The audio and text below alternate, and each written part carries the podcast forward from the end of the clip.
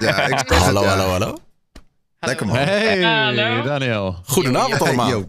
Gebruik ik iets heel eh, gevoeligs? Ja, ik Nee? precies op het verkeerde moment binnen. Oh. Nee, nee, nee, is niet waar. Ehm, welkom allemaal, talkshow nummer eh, 120. eh, waar we het nog steeds hebben over van alles en nog wat. Iedereen is even belangrijk, je mag elkaar in de reden vallen. Grote streamers, kleine streamers. En eh, ja, vandaag presenteer ik jullie eh, deze cast. Nicky Romero, Paper TV, Fab, Marcella de Bie, Jill, Vlugge Jaapie en Sascha Harland. Welkom allemaal. Eh, leuk dat jullie er weer zijn. Hoe was de Ja, week? dank, eh, dank voor de uitnodiging. Hebben we nog wat meegemaakt? Ja, wie gaat hem aftrappen? Daan, daar ben jij al zo goed in, hè? Jij, jij vraagt dan, hebben we nog wat meegemaakt? En dan zitten zeven mensen, zes mensen te wachten. Wie gaat er nou precies Ja, aftrappen? ja, ja, ja. Maar ik vind dit ook een hele goede manier. Dat, dat gewoon even noemen, dan is dat ijs ook gebroken. Nou, Maar ik wil gaat wel... dan nu daadwerkelijk iemand aftrappen? Dat is de vraag. Ja, ik wil anders wel die bal gelijk naar Nick gooien voor een kleine puppy-update. Want ik hoorde dat hij juist eh, eh, ietsjes later was, omdat hij nog met de puppy in de weer was. Ik zie al die stories verschijnen. Ik moest nog even een rondje lopen. Het is, ehm, het is zeg maar de, de zinnelijkheid, die proeft je, die, die af en toe stelt hij een beetje op de proef. Dus ik heb zoiets, als ik dat nu niet doe, dan gaat hij zometeen tijdens de stream gaat hij op mijn kleed schijten. En eh, ik heb zoiets, daar wil ik gewoon voor zijn. Dus het is een beetje, het is een beetje time management. Het voelt een beetje, ja, ik heb dan zelf geen kinderen, maar het lijkt, het lijkt een beetje alsof je het gevoel hebt dat je kinderen hebt, weet je. En, en, en ik heb zoiets van, als ik dat nou eerst doe, dan weet ik zeker dat ik de komende uur, anderhalf, waarschijnlijk safe ben. Dus, eh, maar het is soms een beetje lastig als hij wegrent. Dan is, het, dan is het daarna, is het ook gewoon maar de vraag of dat hij op tijd terugkomt, weet je. Soms dan, dan vindt hij iets en dan ben je gewoon, ja, ben je gewoon acht minuten aan het wachten tot hij weer, tot, tot hij luistert om terug te komen, snap je? Wat voor puppy heb je? ik heb een, eh, een pomski. Dus het is een eh, combinatie van een eh Pomeriaan en een, en een husky. Dus ja, het is superleuk. Elf Leuk. weken. Ja, het is echt, het is echt superleuk. Ik kan het iedereen aanraden die er tijd ervoor heeft. Ja, het is En- hard werken, hè? Het is wel hard Het is werken. wel, ja, vooral de mensen die, ja, die een hond hebben, die, die zullen me waarschijnlijk uitlachen nu. Maar Nee, het, is wel even wennen. Ik had me echt zo ver... Wij hadden thuis altijd honden. En eh, dan gingen mijn ouders altijd s'nachts eruit voor die puppies. Maar eh, ja, ik heb nu zes jaar zelf een hond. Maar eh, de eerste jaren... Oh, ik ben wel echt op verkeken hoor. Maar li- Heb je- lijkt heb hem je het een, gezien? Het is echt pittig, maar tegelijkertijd kan ik me ook voorstellen... als je dan kinderen hebt, dat mensen denken... ja, waar heb jij het over, joh, die hond? Ik bedoel, eh, een kind is tien keer zo hard werken. Dat, dat geloof ik ook. Alleen, Ja, het is een beetje de warming-up toch- toch vaak Ja. voor mensen. Nou, Ja, dat is sowieso precies. niet goed als je kind op het kleed scheidt. Dan gaat er sowieso iets niet goed. nee. Ja, het kan gewoon gebeuren. Het kan gewoon gebeuren. Heb jij dat als kind nooit gedaan, Jaapie? Ik uh, lui, ik mag hopen voor mijn ouders dat ik luier. Want eh, En dan zo net als een hond jezelf zo met je reet zo over de tapijt heen trekken. zo. ja. Nee, maar Oh, in ieder nee. geval, nee, joh, gaat goed. Ik, eh, ja, nee, het is hartstikke leuk. hoor. Ik kan niet anders zeggen. Het is echt eh, allemaal positiviteit. En zo'n beestje wil je eigenlijk gewoon, ja, wil je eigenlijk gewoon continu knuffelen. Dat is het. En dat geeft heel veel liefde. En af en toe dan, eh, ja, dan is het ook niet erg als er een keer wat misgaat. Maar ja, het beheerst wel je leven.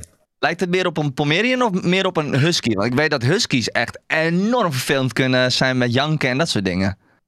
Eh, nee, het is echt een combinatie van. Dus het is een soort mini-husky, om het zo maar. Het, het, het, het Ja, komt maar kijk, net onder je krijg je de nadelen van die Husky ook? Of? Nee, nee, nee. Ja, ik, ik- voordelen. maar ja, het is nog jong, hè, 11 weken. Dus ik weet niet zo goed wat er gaat ja. gebeuren als ze als ze ouder worden. Maar nee, ja, heb het is, je puppytraining of, of doe je het, probeer je het allemaal zelf een beetje te fixen? ja, ik heb eh, zaterdagochtend voor het eerst puppytraining gehad. Ik denk dat mensen die, die ons tegenkwamen in het bos, dat die, zich, dat die hebben mij sowieso uitgelachen. dus eh, het was echt, eh, je moet met zo'n lijntje lopen en dan is het, hé, hey, eh, luisteren en eh, een kippie geven, roepen naar kippie. En soms dan roep je echt 30 keer, gebeurt er niks. Ehm, maar het was wel vermaak. Het was wel vermaak. Was het Ook niet alleen voor mij, was het dus. wel voor de mensen die in het bos liepen, ja, denk ja, ik. ja, ja. ja. Dus ja, dat was een beetje eh, de update, eh, Daan. Oké, oké, Ja. thanks, thanks. En de, en de rest nog wat, eh, wat meegemaakt? Nou ja, ja, ik had gisteren de Music Bar. Een beetje wat Jaapie net zei. We hebben een soort van concept bedacht. Ja, zover het dan een concept mag heten. Maar ik had zoiets van... Ik vind het superleuk om op Twitch te kijken... en mensen die games spelen en die ehm, eh, dingen ondernemen. Maar ik wilde gewoon... Ik wilde, ik wilde iets neerzetten wat iets meer met muziek te maken had. Ook vanwege mijn werk. En ik had zoiets, waarom kunnen we dat niet combineren? Ehm, ik ga gewoon streamen dat ik ga draaien. Maar een draaistream, daar zijn er ook al duizend van. Dus we hadden zoiets. Ik zag op een gegeven moment, zag ik Stream met Lien een keer een, mu- een muziekbingo doen. En dat idee vond ik superleuk. Dus ik dacht, waarom gaan we niet een concept bedenken waarin jij ook instapt eh, en dan samen de music bar opzetten? Dus we draaien dan eigenlijk gewoon muziek van alle stijlen. Denk aan de top 2000. Denk aan eh, Giel en, en als het gasten in de studio ziet. Het is een top 2000. Niet alle platen vind ik zelf vet. Of alle platen vinden zij vet. Of vinden onze, de mensen die kijken vet. Dat, we- dat weet je niet. Maar het is een combinatie van alles. En dat maakt het ook super leuk om te draaien. Want je draait gewoon van hardstyle tot aan hardcore. Ik heb gisteren happy hardcore staan draaien. Tot aan Latin Kijk. beats. eh, Party Squad en, en, en ook dingen van nu en, en Boef en weet ik veel wat. Maar het is, gewoon, het is gewoon een vibe en dat is super leuk. En dat concept was gisteren voor de tweede keer. En ja, ik heb daar eh, ook kleine shout-out naar jou, Daan. Dankzij jou konden we die duo-stream doen, Streamdokters. Dus Graag ja, gedaan. super vet. Het was echt heel tof. Ja, Leuk ik vond het wel hilarisch, want ik ben nog even ingetuned om een uur of twee. En toen zag ik jou hip-hop draaien, wat ik ook niet iedere dag, iedere dag zie. Eh, dus dat vond ik wel echt, om jou inderdaad de party squad zien in te mixen. En zo met je hand in de lucht te staan. Was wel even een nieuwe vibe, Oh. dus daar kon ik wel echt van genieten. Ah, je- maar ik had er nog één, één, één semi-kritische vraag daarover. Ja. Eh, Ja. Want de- op dat moment sta jij gewoon een uur lang op je Nicky Romero-account, wat natuurlijk internationaal is voor allemaal internationale fans. Sta jij gewoon, eh, eh, op een gegeven moment ging het echt tot aan, stond je echt gewoon hoempapa carnavalsmuziek te draaien. In Nederlandstalig Er allemaal. staat een paard in de gang, kwam voorbij Ja. volgens mij op een gegeven moment. Maar ben je dan niet bang dat je een beetje, zeg maar, je internationale eh, fans daarmee afschrikt of zo? Ja, weet je, ik, ik- ja, I don't know. Ik heb zoiets, ik doe gewoon wat ik leuk vind. En soms dan, ja, sommige streams, zoals dat demo drop op vrijdag, die doen we helemaal Engels. En, en dan eh, mogen alle mensen die mij volgen vanwege eh, de muziek die ze van mij horen in het buitenland, dan, dan, ja, dan zijn ze meer dan welkom. Maar er zijn ook gewoon dingen die wil ik gewoon doen met de mensen hier. En de Music Bar is er daar één van. En ja, soms dan eh, snappen mensen het niet helemaal. Maar ja, dan gaan ze opzoeken, eh there is a horse in, in the hallway. En dan komen ze er vanzelf achter dat het een liedje is in Nederland. Dat het een fucking vette plaat is. Snap Maar je? ik moet zeggen, met, Ja. met eh, ja, bedoel, als je weet wat jij draait op een festival, mensen kunnen het ook wel inschatten van, hey, dat is gewoon echt anders dan de Nicky Romero in een stream en de festival. Is gewoon twee different dingen. Ja, ik weet het niet. Ik, ik moet je eerlijk zeggen, ik denk er niet zo over na. Het is gewoon, ik vind het leuk om te doen. Eh, is het, verdien ik er veel geld mee? Nee, zeker niet. Ik wil niet weten wat we aan spullen erin hebben gestoken om dit zo te kunnen streamen. Er zijn een paar Black Magics bijgekomen. En eh, weet ik veel wat. En als ik het dan doe, dan wil ik het ook goed doen. En nee, het is niet zo. Je, je- je verdient er niet echt geld mee, zeg maar. Maar het is wel vooral heel leuk. En als ik kijk ook hoeveel mensen er vrolijk van worden. Als ik dan kijk hoe de stream dan losgaat. Of de chat. En je hebt allemaal herinneringen aan die platen. Dan is dat hetgene waar je het voor doet. En dan, ja, Ja. of het dan succesvol is voor je fans of in het buitenland. Ja, ik weet het niet, man, eerlijk gezegd. Maar Klinkt het gewoon als ook op dat passie, moment. heel erg. eh. Ja, het is gewoon leuk om te doen. Het brengt je ook een beetje terug naar de tijd dat je zelf in die kroeg stond. En lekker wilde draaien, weet je. En, en niet zo nadacht over, oh, wat is mijn profiel, dit of dat. En als ik nou maar zoveel hits draai en als ze me maar tof vinden of dit en dat. Nee man, het is Ja. gewoon echt leuk. En, en, en, en eigenlijk vind ik het ook leuk. Ik denk dat ik ook namens Lien spreek, die, met wie ik dat concept samen doe. Ehm streamer Lien, eh, we willen ook graag een keer wat streamers uitnodigen om de beurt. Gewoon, kom er eens een keer bij zitten. Weet je wel, wil je een setje draaien? Kan je draaien? Let's go. Doe maar een paar nummers uit jouw jeugd, weet je. Dat soort dingen. Dat is een beetje waar we naartoe Ja. willen ermee. Dus. En ik moet ook eerlijk zeggen, door die verzadiging van, die, van alle, allerlei DJ's die zijn gaan streamen tijdens die coronaperiode, volgens mij is het ook gewoon op zich al best een goed idee om iets op te zetten wat niet per se heel erg serieus is. Ja, precies. Eh, want als je echt een, een vertaling van wat je normaal eh, draait tijdens je shows doet, volgens mij hebben mensen dat op een gegeven moment ook wel links en rechts overal gezien. En, en dan dooft dat een beetje uit. Volgens mij is juist zo'n soort concept met een knipoog en niet helemaal serieus en vooral niet te veel over nagedacht wat Nee, iedereen er dan van Nee. vindt over de ja, grens. eens. 100%. Volgens mij is dat gewoon top. Ja, en ik denk dat maar mensen willen ook gewoon een beetje die informaliteit hebben, weet je. Die, die, als, ja, ik heb het idee dat mensen gewoon het gevoel van even naar een kroeg, even een drankje doen, dat ze dat een beetje missen. En Klopt. natuurlijk kan je overal dikke live sets opzoeken van Tomorrowland en dikke live sets van eh, een DJ die de meest krankzinnige plekken weet te vinden, soms hoog in de bergen. Eh, ontzettend mooie locaties, maar soms dan mis je ook gewoon het gevoel van even een drankje, dat laag Ja, en, en je creëert heel veel afstand. Ook met juist dat soort ludieke dingen. Volgens mij juist zo'n zo'n concept wat je, waar jij het net over hebt. Wat, jij dus, wat je dus hebt. Eh, Hij is ook maar je een mens. afstand, afstand zo kleiner. Nee, nee, volgens mij is dat voor heel veel mensen kan dat heel, veel- heel waardevol, denk ik ook zijn. Ja, eens. eens. Nou, het is superleuk. Dus bij deze, weet je, het- dit was de tweede keer. En het is voor ons ook nog een beetje uitzoeken hoe het werkt. En weet je, hoe het aanslaat. En ik heb gisteren last minute nog wat vrienden gevraagd om te komen draaien. Zodat het niet alleen op mijn schouders zit. Eh Lien eh, zelf kan ook draaien. Alleen, de, ik weet niet hoeveel. Er moet er wel wat in bij haar voordat ze dat echt durft, volgens mij. We hebben dat al een aantal keer geprobeerd. Maar dat gaat nog niet van harte. Eh, soms wel, maar dat, ja, ik had zoiets van... Ik, laat ik het in ieder geval niet op haar schouders of mijn schouders hangen. Dus ik heb last minute wat, eh, wat, wat, vrienden gevraagd. En dat werd heel erg leuk. Dus we hebben gewoon van alles en nog wat. Wat eh, Adriaan van, van Radio, die, die, heet dan, die heet dan DJ Je Moeder. Eh, dat is de stop. Die, eh, die draait er al. Die, is- die is nu al een legend geworden eh, in, in, die, in, die, in die stream. Omdat iemand dat zei. En hij zegt altijd je moeder als die verliest met Warzone. En dat is dus nu DJ je moeder geworden. Ehm, ja, en we hadden eh, Melissa. Met andere woorden, April Grey. Die draait veel TikTok. Dus die draait wat meer urban. Die kan ook draaien. Is ook leuk voor de stream. Vrouwelijke DJ erbij. En ja, ik heb zelf aan het einde gewoon veel hoenpapa's aan draaien. Een happy hardcore tot en met hardstyle, house, eigenlijk alles door elkaar. En superleuk. is echt... En is je puppy nog de revue gepasseerd of eh, lag hij te slapen? Nee, die lag bij mijn ouders. Ah, oké. Als je daarop moet letten, dat is wel een dingetje. Nee, ja, Ja. dat is eh zieke multitask. Hey, en Marcella, hoe, eh, hoe was jouw week? Nou, ik had mijn booster gehad, dus ik was een beetje ziek. Oh. Maar eh, verder, ja, eigenlijk wel rustig aan. En dit was echt de week waar ik zei, ik plan helemaal niks. Want ik werd van die andere vaccinaties ook ziek. Dus ik dacht, nou ja, ik ga gewoon de hele week bij mijn ouders zitten. Kunnen ze een beetje voor me zorgen.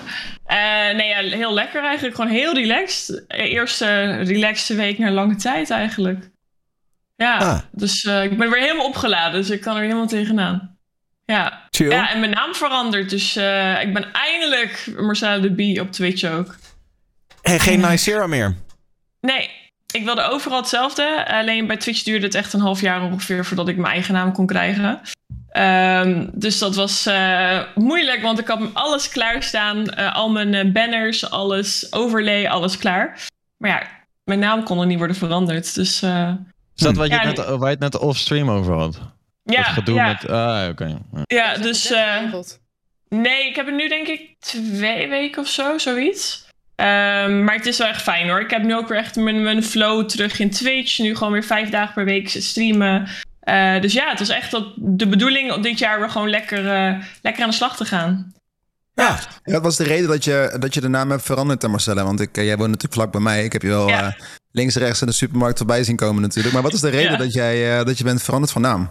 Ehm nou ja, is ooit begonnen acht jaar geleden natuurlijk. Op, ja, ik ben als Niceer begonnen het acht jaar geleden op Twitch. En het was meer van, ik ga streamen voor de fun. Oh, een World of Warcraft character heet Nicera. Leuk, gaan we mee beginnen. Ehm, en eigenlijk had ik nooit verwacht dat het mijn werk zou worden. Maar het werd een beetje vervelend dat... eh, vorig jaar had ik een hele vette gig gehad voor Lamborghini. Eh, De Real Race was een e-sport event in Berlijn. Eh, mocht ik presenteren, super tof. Ehm, alleen was gewoon Marcella de Bie. Dus wat gebeurt er dan? Oh, ze is een streamer. Ze zoeken Marcella de Bie. Kan er niet op Twitch vinden. Laat maar. Dus het is helemaal niet goed voor je traffic. Dus uiteindelijk dacht ik van ja... Om Marcella Nicera de Bie te gaan heten te continu. Dus ja, nu eh, is het gewoon lekker mijn eigen naam. En is overal hetzelfde. En ja, je merkt wel, als je naam verandert... ga je gewoon heel veel volgers verliezen. Ehm, maar dat was al een soort van waarschuwing van dat kan gebeuren. Nou ja, weet je, dan verlies je er een paar honderd en dan gain je ze later wel weer. Ja. Is dat dan omdat ze je naam niet meer herkennen in een lijstje Ja. van mensen die ze volgen? Ah, Dus ze, ze volgen en denken, wie, wie is Marcella Bie? Ik ken alleen Nicera. En dan eh, on- unfollow, ja. Dus eh, ja, dat zie je wel gebeuren. Maar ik heb zoiets van, ja, dat vind ik het wel waard. Ja, Nou, oké. Nou ja, we gaan. De, ik bedoel, ik denk dat je uiteindelijk ook gewoon eh, zo. eh, zo kan je ook een beetje meer. Ja, je eigen persona naar voren schuiven, denk ik toch? ja zeker. Ja. Er is nog iets beleefd, eh, jongens, meiden? Gewoon gewerkt. En Moet ook eh, nog gebeuren. steeds eh, ja, en herstellen een beetje van corona. Maar eh, ja, voor de rest goed. Ah, Ah, ja. je, had hem te, je had hem te pakken? Eh, ja, ik had een eh, week mijn booster en een week later kreeg ik corona. Dus eh drie Nice. dagen flink ziek geweest. Daarna, maar ja. Kun je ook weer afvinken. Ja, precies. Dan zou je toch denken keer dat je dan beschermd bent hè, met die booster. Ja, en het was ook echt, echt heel lullig. Want ik moest mijn auto naar de uitgarage brengen. En eh, een dag later zat heel de uitgarage in, eh, in quarantaine. Dus daar hebben we het opgelopen. Oh En shit. vijf minuten binnen geweest, sleutel afgegeven en weer weg. En eh, ja, toen eh, een week later ziek thuis op de bank. Maar ik heb nog een kuchje, dus ik word nu zeehond genoemd door mijn eigen community. Dus eh, ik probeer hem nu in te houden. Maar eh, als ik... Als ik Heb ik hem gemist? Nee, ik heb hem zelf gemaakt, dus... eh, ik hoef Oké. ik eens echt een meevallen, moet ik zeggen, voor het Ja, feit nu dat je gaat het zeehond goed. genoemd wordt. Ja, ik heb hier heel veel van die eh pastilles liggen, van die pastilles. En, en, en je hebt een mute knop waarschijnlijk? Ja, ook ja, ja, ja, ja. Ja, ja, ja, ja. Maar goed, ik kan het hebben. Nou ja, goed. Ja, ik had als titel had ik op een gegeven moment staan voor, eh, voor als onderwerp. Iedereen kent nu iemand met Omicron. Wat volgens mij, toch? Iedereen kent nu iemand met Omicron, toch? Ja. Denk ik. eh. Zeker, zeker. Ja. Jawel. Jawel. Dus ja, nou ja, dat. Eh, maar laten we het vooral niet te lang over corona hebben. Eén ding wat er wel een Nee. beetje mee te maken heeft. En, eh, ehm, nou, weet je wat? Laat ik die even bewaren voor als Jordi Warners er straks is. Want die joint nog als hij klaar is met zijn met zijn radioprogramma. Maar dan wil ik het zeker even hebben over de nachtclubs en wat daar allemaal gaat gebeuren. ja. Ehm, maar laten we eerst even dan het hebben over de, de Olympics die, eh, die begonnen zijn. Kijken jullie welke sporten de Olympische Spelen? Ja, eer- eerlijk gezegd, ik heb, het, ik heb het een beetje geskipt. Ik wist niet eens net begonnen, toch? Vrijdag. Nee. Ja, maar ja, ik heb het Waar tot nu toe het dit jaar? geskipt. Het is in, eh, het is in China, toch? Beijing, toch? Ja. Nou ja, Ja. ik, ik moet zeggen, ik kijk hier en daar wel. Maar het is niet dat ik er echt voor ga zitten en dan ga zeggen... Nou, nu ga ik even dit, dit, dit, dit kijken. Het is meer ja, voor het zappen toch. Als je even denkt, Ja. eh, als vanochtend was eh, schaatsen... denk je, nou, toch even, even die vijf kilometer even meepikken. Toch kijken of, we of we gouden plak kunnen pakken. Maar het is niet dat ik er echt voor ga zitten de hele dag of zo. Ik kijk wel even op Nee. nu.nl of zo, of er weer medailles zijn gewonnen. Maar Ah. voor de rest... eh, ik had het vanmiddag aangezet, maar toen was ik in slaap gevallen. Dus ik heb er niet veel dat zegt genoeg. Nee. Dat is Nee, ik, leuk. een, eh, ik zag een gek fragment van een, eh, een journalist van de NOS die aangepakt werd door, eh, door een soort eh, Oh, dat persbewaker heb daar. ik ook gezien, ja. Die werd echt weggeduwd daar, hè?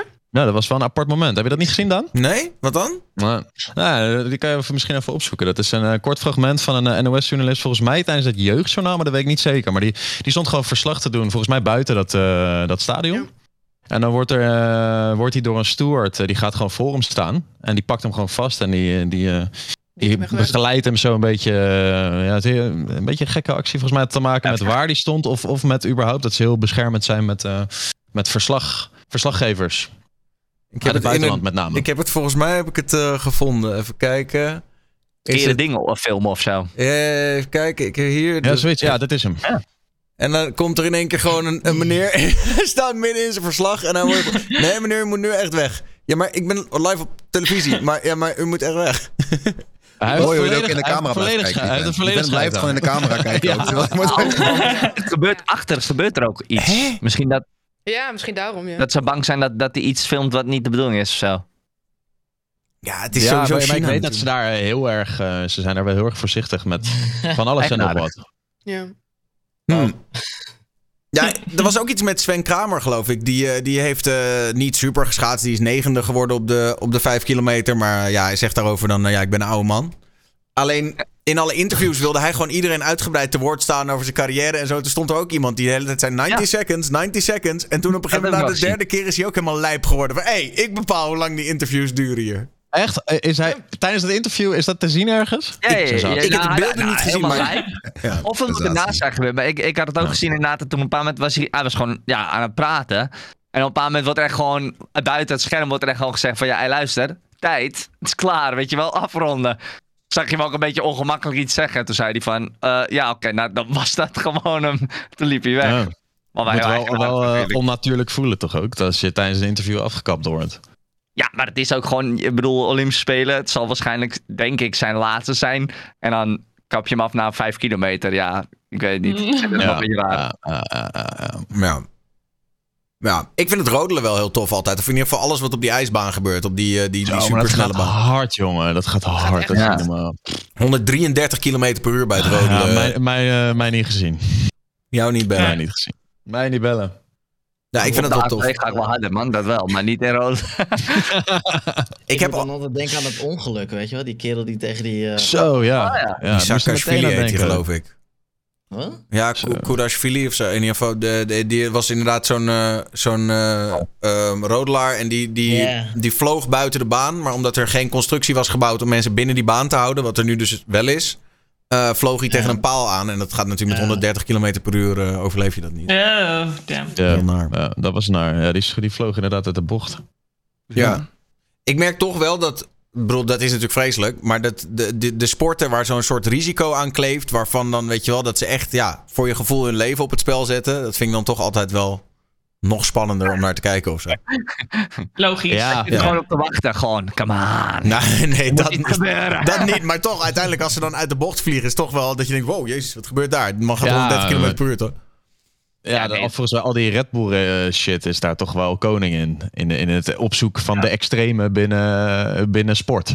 Met die gozer die vanaf de stratosfeer naar beneden sprong. Eh, dat was ook achterlijk, hè? Tja. Was wel vet. Dat lijpe dingen. Dat heb ik wel gekeken, ja. Ja, ik moet zeggen dat eh, je hebt ook zoiets met skiën. Dat is nu ook een beetje de afgelopen twee dagen, heb ik dat wel gezien. Dat is, eh, dan doen ze meugels en dan moeten ze elke keer... Nou ja, ze hebben twee sprongetjes, dan moeten ze even een sprongetje doen. Moet zeggen, dat vind ik ook nog wel interessant om naar te kijken. Maar het, het is wel een klein beetje... eh, ja, een combinatie van dingen op, op het skiën, zeg maar. Het is niet Zo alleen bovenaan eh, beginnen en dan recht naar beneden en dan zo'n soort eh, ding nemen. Zo'n meugels, Nee, dus zo- van die hobbeltjes, zeg maar. Oh, echt eh, dat slalom. en dan hebben ze even een saltootje of eh, weet ik veel, een schroef En of dan wat weer dan die ook. hobbels. Oh, wow. Ja, en dan meteen weer de hobbels. En dat, dat is echt best wel, eh, tenminste, als je skiet, dan weet je hoe moeilijk meugels eh, pistes zijn. Ja. En die gasten die blijven gewoon netjes knieën naast elkaar. Het is echt bizar om te zien eigenlijk. Daar is ook wat gebeurd. Hè? Er was er eentje die, eh, die maakte zijn sprong. Die kwam verkeerd, eh, verkeerd terecht. Die is toen knock-out. Ja, kan, maar dat mag ik niet laten zien, want Olympische Spelen en je weet, eh, copyrights en zo doen ze heel moeilijk over. Ja, dan Maar- krijgen we problemen. Ja, maar die, eh, die, die valt dus. Die gaat knock-out. En die komt uiteindelijk knock-out over de finish. Zeg maar, gewoon met zijn hoofd naar voren. Eh, gelukkig gaat het goed met hem. Maar eh, En bij, zijn, bij zijn val eigenlijk, hij eh, draaide door en hij klapte volgens mij met zijn hoofd tegen de, tegen de ramp aan. Waar hij eigenlijk vanaf sprong. Oh. Dus hij ging de lucht in. En toen eh, was het gewoon... kle- Maar hij was al oud volgens mij dat hij op de grond kletste. Maar die ging inderdaad Oh. gewoon echt van buikschuiver gewoon echt naar beneden. ja, het is heel raar om te zien. Want je ziet hem dus nog die heuveltjes overgaan. Terwijl die al knock-out is, zeg maar. En dan komt hij zo over de finish. Oh, ja, want het is ook gewoon echt stijl, hè. Dus dit is ook gewoon als je gaat liggen, is het niet even dat je afremt. Dit, Nee. Het zijn echt, echt pistes, zeg maar. Dat- Ja, dat, dat remt niet af. Nee, Maar ook hoe ver ze vliegen. hè. Als je dan kijkt hoe ver ze die, die, die gasten die met die, ja, met die ziek lange skis naar beneden gaan. En dat ze dan, en dat ze dan gewoon een, nou, ik weet niet hoeveel meter, maar tig meter de lucht in vliegen met die dingen. Ik, ik zou toch wel even, eh, ik weet niet man. Je Ik moet zou, wel je niet- de eerste zijn die naar beneden gaat. Ik- Ja, maar ze leunen toch gewoon helemaal naar voren. Het is een soort... ja, ja, ja. Helemaal Ze helemaal naar boven toe. Ja. Een soort van draagvlak te creëren. Ja, dat is niet normaal, man. Ja. Maar ook dat je denkt van... Ik bedoel, wij... Kijk, ik weet niet hoe jullie dat doen, hoor, maar hier in Nederland over het algemeen... als jongen zijn, dan ga je op voetbal, je gaat op tennis... je gaat op dit, je gaat dat doen. En dat je denkt, nee, ik ga, ik ga skiën... en ik ga voor mijn sport van zo'n be- zo'n berg afvliegen. Ga ik van een schans ik eh, bedoel- met mijn skis. Dat wij dan allemaal zeggen, nee man, op zaterdag heb ik een wedstrijd... en dan ga ik kijken bij mijn maten daar, daar, daar. Ja, nee man, zaterdag heb ik die schans daar die ik even moet pakken. Dat zie je toch niet echt hier, hè? Dat is redelijk absurdistisch, ja. Maar het is ook wel... is in Nederland echt klein, volgens mij. Maar dat is Ik denk ook dat- wel omdat we geen bergen hebben, jongens. Even eerlijk. Nee, Dat nee, is, Ja, ja, We hebben wel, we hebben nu wel oprecht een snowboardster. Eh, van ja. Nederland. Ja, die is volgens mij niet ver gekomen. We hadden ook een, eh, een, eh, een mannelijke snowboarder die volgens mij ook meedeed. Dus met het, ik heb wel het idee dat het win- de wintersport sporten voor Nederlanders in de Olympische Spelen wel een beetje groeiend is. Nou, schaatsen zijn we natuurlijk al jaren koning. Soort Ik van. vind altijd de winterspelen ook altijd leuker dan de zomerspelen om te kijken. ja, vind ik wel. Ook. Ja. Ik vind dat Ja, je hebt natuurlijk ook Bibian, Bibian die eh, snowboardster die afgelopen jaren overleden is, helaas. Ja. Die, eh, Ja, was die, natuurlijk die, ook best wel... die is heel, heeft heel lang toch ook nog de Paralympics gedaan daarna. Ja, ja, ja. En ook daar allemaal medailles gewonnen. Terwijl ze eigenlijk Ja. gewoon nog maar één vierde longinhoud had. Ze miste een been. Ze had, oh ja, weet ik niet hoeveel operaties. Echt Echt bizar. crazy. Dus met ja. één been gewoon blijft doorsnowboarden en nog medailles haalt ook. Echt ziek. Crazy. Ja, maar die, die, ziek. die was dan ook echt goed. Ja. Ja. ja, echt, echt eh, heel bizar. Ja, lijp. Ja, we gaan het zien. We hebben nu dus twee medailles. Eentje zilver, eentje goud. Tenminste, ik heb het vanmiddag eh, rond etenstijd heb ik het gecheckt. Misschien is er inmiddels iets bijgekomen. Maar eh, ja, we gaan het zien hoe goed Nederland het gaat doen op, eh, op deze Olympische Spelen. En of... eh, vinden jullie nog, nog gewoon even klein, klein vraagje. Het werd net al even kort genoemd met het wegslepen van die verslaggever. Hebben jullie nog ergens zoiets van... We, moeten, we hadden China moeten boycotten of zo? Nou ja, je, ik denk gewoon eerder dat eh, er wordt betaald om het daar te hebben. Dus ik, ik, ik denk niet dat, dat, dat je het kon boycotten. Het was sowieso doorgaan, ook al had de helft niet meegedaan. Dus alsnog gezegd, dikke vinger drie bier, we gaan het toch doen. Dus dat heeft ook geen zin. Ik denk, ja, ik denk, ja, als land boycotten heeft niet zo heel veel nut. Tenzij je echt letterlijk met heel Europa zegt van we doen het niet of zo. Weet je, vechten tegen de bierkaai als je dat in je eentje doet. Maar ik denk als de hele organisatie op een gegeven moment handen in één hadden geslagen. en Zeggen, joh, we gaan hier gewoon niet akkoord mee. Dan was het misschien Ja, maar je ziet het ook in de voetbal met Dubai of eh, waar was het nu gaan houden, zeg maar, dat, eh, dat WK. Ja, eerlijk, kijk, eh, wat, eh, het kan, eh, je moet het eigenlijk doen, maar ja, je kan het niet in je eentje doen, zeg maar, als land. Nee, ben ik het ook Nee, wel mee nou ja, dat, ja, nee, dat ligt natuurlijk aan eh, wat je ambieert. En vaak ambiëren dit, dat soort organisaties gewoon een, een gezonde carrière binnen dat wereldje. En inderdaad, in, in dat licht kan je niet zo heel snel eh, zo'n actie in je eentje ineens. Want dan zeggen ze, oké, you later. Ja. Oh, Nederland doet niet mee? Oké, Ja. prima. Dan Ja. toch niet, doei. Ja, dan niet. Ja, nee, dat is ook wel zo. Ehm, en je kan er beter natuurlijk naartoe gaan. En dan bijvoorbeeld, zoals wat een van die skiers had gedaan, dan een statement maken, toch? Die, eh, dat, dat kan je beter dan doen, denk ik. Hey, Ja, ja. iets heel anders. Rockstar Games, makers van eh, een aantal van de grootste games aller tijden, waaronder GTA en Red Dead Redemption, hebben bevestigd: we zijn bezig met een nieuw deel in de GTA-reeks. In een tweet. Ik zag het. Ja. Zo van, we willen jullie het beste geven van het beste, dus, eh, maar eh, we zijn bezig, eh, bla bla bla, zoiets. Ik had het gelezen. Ik, Ja. ben, eh, ik ben wel benieuwd. Ik was zelf, was het GTA was er wel altijd een game die ik speelde bij andere mensen, als ik eerlijk ben. Misschien ben ik daar de enige hier. Ik heb het wel veel gespeeld, maar ik heb zelf, eh, ik heb het Ik zelf bedoel dat je auto's jatten van andere mensen. Ja, precies. nee, maar ik, de- ik ben toch zelf altijd meer van de Skyrim-achtigen en, en shooters. Op nummer 1 shooters. En, en dan eh, adventure games. Ik heb eh, GTA ben ik... Tuurlijk, het is, het is super vet. En ik ben ook wel ik ben heel benieuwd waar ze mee gaan komen. Maar ik kan me voorstellen dat er mensen enthousiaster hierover zijn dan, eh, dan ik.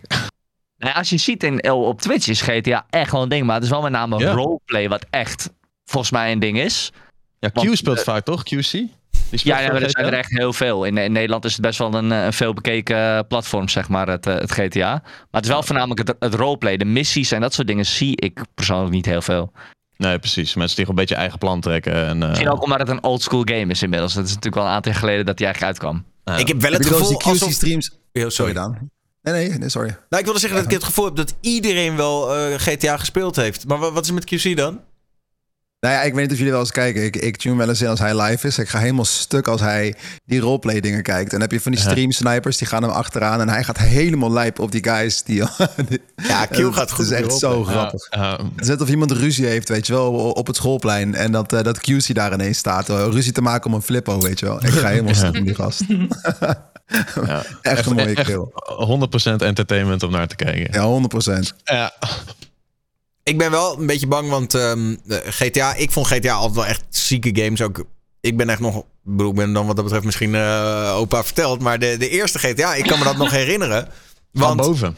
ja, van boven. En wat het vette was, is die game stond op een CD-ROM.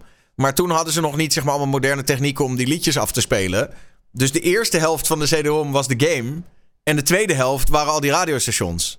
Dus je kon zeg maar gewoon thuis in een. CD-speler kon je die game eh CD-ROM kon je in je CD-speler doen. En dan kon je al die tunes luisteren. Eh, Dat is wel zeker, dat wist ik niet. Hè, daar kan ik me niet eens meer herinneren, joh. ja, dat was echt zo. En eh, dat was echt vet. Want die muziek is natuurlijk wel... Of tenminste niet alleen de muziek, maar gewoon het hele verhaal eromheen maakte die game toch. Met die radiostations die zo grappig waren. Die characters die we ons allemaal kunnen herinneren. En volgens mij zijn nu die echte original gasten die, die, die dat allemaal bedacht hebben... die zijn volgens mij weg bij Rockstar. Dus ik vraag me af of ze nog zoiets vets kunnen maken, zeg maar, van... Ja. Van Ik hoe kan, het het kan vriezen en het kan dooien. En ik denk ook dat hun foutmarge, dat die best is. Als in dat mensen vrij snel teleurgesteld gaan zijn. Dat denk Omdat ik. de vorige heeft natuurlijk het gewoon echt heel goed gedaan Dat is eigenlijk. bizar. Het feit dat dat nu Ja. nog eh, heel intensief gespeeld wordt. Dan weliswaar eh, niet, niet wat je zegt, die missies, maar, eh En met maar meer soort roleplayen. natuurlijk nieuw. Ja, En dat, dat Ja. heeft het gewoon top gedaan. Ik bedoel, dat doet het nog steeds goed. Na, en het is er best wel... Wanneer is het uitgekomen? Vijf jaar, denk ik? Maar deze, jaar? waarom? Wa- is langer nog, maar volgens mij bijna tien jaar alweer. Want, want het wordt steeds weer opnieuw uitgebracht, toch? Volgens mij was, het een, was GTA 5 niet oorspronkelijk een PS2-game? PS3? Ja, PS2, dat was die. Nou, volgens mij was PS, eh, ja, PS2 was dat niet de eerste 3D GTA. Dat het daarna, daarvoor was het van boven. 2013. PS3 zie ik hier in de, in de chat. 17 september 2013. Dat is bijna tien jaar geleden. Zo. sick. sick. Maar je Maar- kon ook al een GTA spelen van boven, hè? Dat je vanaf boven keek. Ja, ja, dat waren de echte GTA 1 en GTA Precies. 2. Ja, Toen had je nog dat is GTA oude. Londen en zo met die minis. Juist. Dat was fucking vet, man. En, da- en, en Nee, daarvoor nee, had je nog. Armageddon. Wie weet dat nog? De Armageddon. Weet je die nog? Ik wil, bedoel, ik Die wil niet auto's, dat je afwijken, maar dat was wel Carmageddon. Of Carmageddon, ja, dat was het, ja. Dat je Met al die mensen- mensen die kunnen wat kapot ziek. Dat was echt, die, die, die game was echt zo'n Oh. meme, toch? Dat, dat, daar is die hele joke uit ontstaan. Dat als mensen zeg maar gewoon gevaarlijk rijden, dat je zegt, hé, hey, 800 Armageddon, punten. ja. Oh, Met die auto, met al die zieke eh, slijptollen eraan en weet ik veel wat. Dat Ja, shit. Dat is Ja. heftig, man. Je had ook eh, Twisted Metals, ook zo'n soort game. Ken je dat? Twisted Nee. Metal was echt PlayStation 1 game, denk ik, als ik erover terugdenk. Is dat tegen Maar elkaar had je, had beuken je en zo? auto's, had je een auto met een clown erop en dan moest je gewoon met jouw auto, had je bommen erin, noem maar op, moest je, met, moest je andere auto's kapot maken. Dat is het enige doel van die hele game. Gewoon mensen kapot maken. Nee, ik, ik ken deze game niet, maar het klinkt, eh, het klinkt vermakelijk. Ja, zeg Hey. Hallo. Hallo Jordi. Jordi. Hallo. Daar is hij hoor. Lekker hoor. Je hebt geraced vanuit Amsterdam. Ja, nou, ik was eigenlijk al vijf minuten hier, maar eh, ik had dus eigenlijk met mijn camera, maar die doet het ineens wel weer, dus eh, Oh. Lekker. ah, top, ben er. Was je op de motor?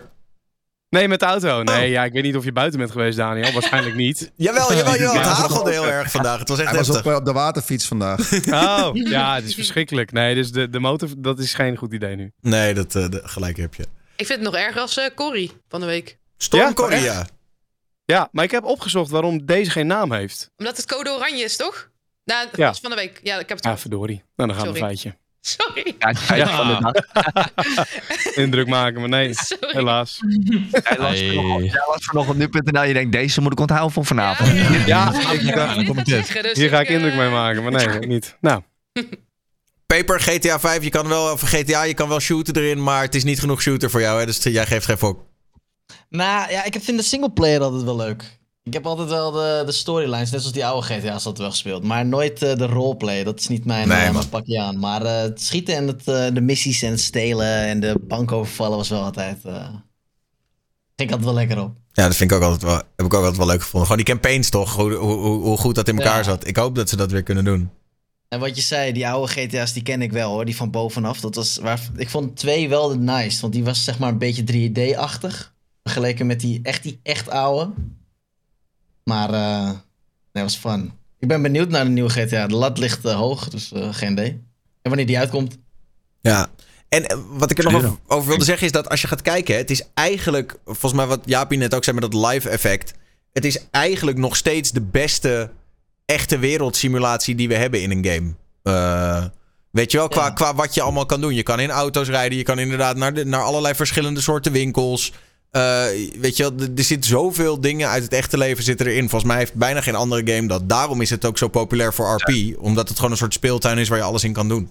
Ja, je hebt Cyberpunk natuurlijk, wat eh, voor een deel natuurlijk ook open world is. Wat ook ergens, maar dat is heel, heel futuristisch en, en, en een stuk minder geloofwaardig. GTA Ja, en als je rijdt, val je letterlijk door. Als je het vergelijkt met GTA. GTA, dat lijkt wel echt goed uitontwikkeld. En Cyberpunk was heel dik aangekondigd. En ik was denk te dat de vroeg. graphics- was Ja, veel, veel, mensen die hebben toch de graphics een beetje over de streep getrokken, denk ik. Maar de gameplay zelf, eh, zelfs al had je een setup waarbij je het kon draaien, de game, dan alsnog liep het vaak gewoon niet smooth. En dat, dat Buggy, buggy, ga je echt, echt Ja, heel erg buggy was het. Geen goede game. Nee. Ehm, nu dat Jordi er is, wil ik deze er wel even ingooien. Eh, misschien hebben jullie het meegekregen, maar De Nacht staat op. Het is een initiatief van verschillende nachtclubs. Begon in Amsterdam en nu gaat het het hele land door. Eh, die eigenlijk zeggen, ja luister, dit kan zo niet langer. Het slaat helemaal nergens op dat wij nog steeds dicht zijn. En als jullie nu niet iets voor ons doen, dan gaan wij gewoon volgend weekend open. en, eh, dat ja. zijn er, en er zijn er nu zoveel hebben zich daarbij aangesloten die, eh, ehm, die dat gaan doen dat het echt maar de vraag is of je dat überhaupt tegen kan houden. Want ja, wat, wat gaan ze doen, weet je wel? Je kan niet honderden clubs beboeten. Maar ja, aan de andere kant, als de overheid dat wel gaat doen... hebben we misschien oorlog. Ik, wat denken jullie? ik ga er staan. Ja hoor, ik ga wel naar binnen. Nou ja, ik vind, ja, ik vind het gewoon wel. terecht. Ik bedoel, eh, het, is, het is een sector van de horeca die... Nou, ik durf eigenlijk wel te zeggen... sinds begin eerst lockdown corona dicht is geweest. En de rest van de horeca is altijd nog wel een keer open gegaan. Eh, zij het niet tot tien uur, tot vijf uur, whatever. Maar alle feestcafés, alle, alle clubs...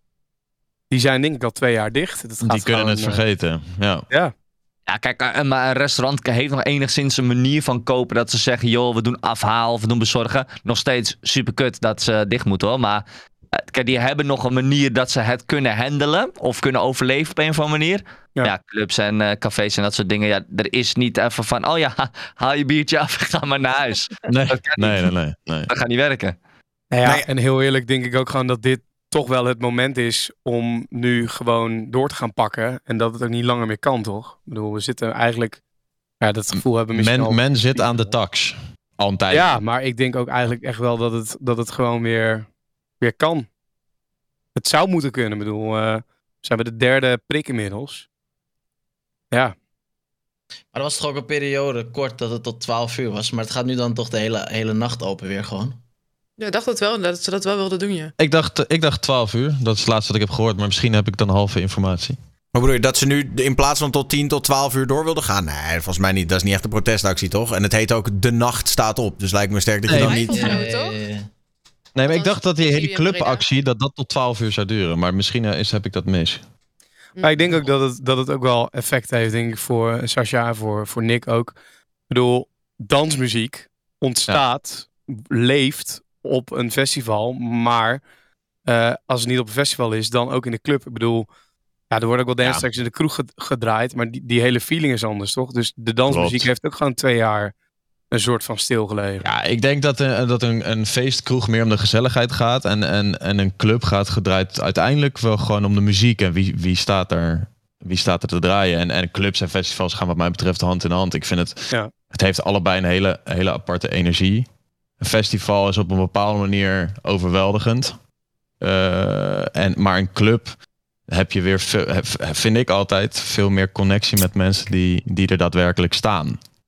Ja, maar het is Eh, ook dus voor je releases beide- en zo, toch? Dat bedoel, Ja. eh, dat Ja, is ja, ook ja. voor je nieuwe muziek wat je voor het eerst wil draaien, et cetera. Er zijn toch festivals en feesten. Daar denk ik wel echt heel belangrijk in, toch? Nou, ik, ik, je kunt het een beetje vergelijken, denk ik. Wij hebben een, eh, een, een, een groep call eigenlijk één keer in de twee weken met veel Nederlandse eh, top DJ's, waar ze allemaal, eh, waar we eigenlijk allemaal dezelfde festivals draaien. En iedereen die geeft dan aan waar ze mee zitten, waar ze last van hebben. En gewoon een beetje een soort van groepoverleg, zo moet je het eigenlijk zien. Ehm, en ik denk dat wat je, wat je vooral merkt is dat. ehm, wat eigenlijk het belangrijkste is op dit moment, is dat er, er lijkt overal een soort van progressie in te zitten. Maar voor ons voelt het een beetje als een wedstrijd waar je, waar je jarenlang voor traint. En waar je eigenlijk de wedstrijd niet van komt. Dus op een gegeven moment is je motivatie om te trainen natuurlijk ook minder. En heb ik het nog niet eens misschien over weg. Ik bedoel, het is heel lastig om muziek te gaan maken, om clubmuziek te maken als er geen clubs open zijn. Dus ja, Ik bedoel, dat is alsof je penalty schieten gaat oefenen als je nooit penalties neemt.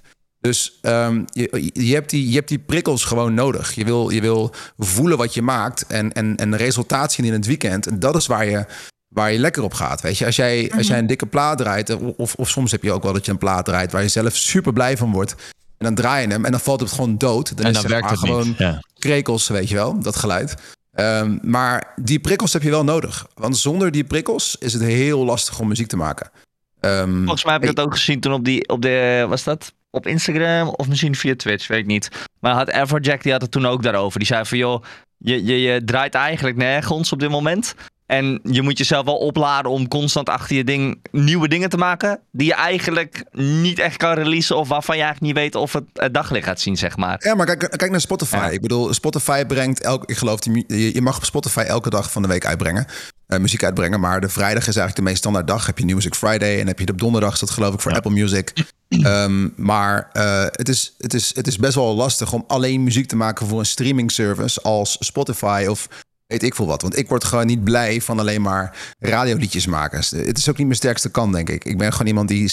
Ik wil gewoon muziek maken voor de clubs en voor festivals. En ja, leuk als het ook goed doet op Spotify. Daar, ben je natuurlijk dankbaar voor. Alleen ja, als, als het allemaal niet open is, is het wel heel lastig. En ik merk dat in, ook in, in onze omgeving, hè, alle collega's en jongens waar wij eh, mee toeren in het jaar, die, die, die lopen tegen hetzelfde aan. Ik bedoel, het is als, het is als een wedstrijd waar, of een voetbaltraining waar eigenlijk geen wedstrijd van komt.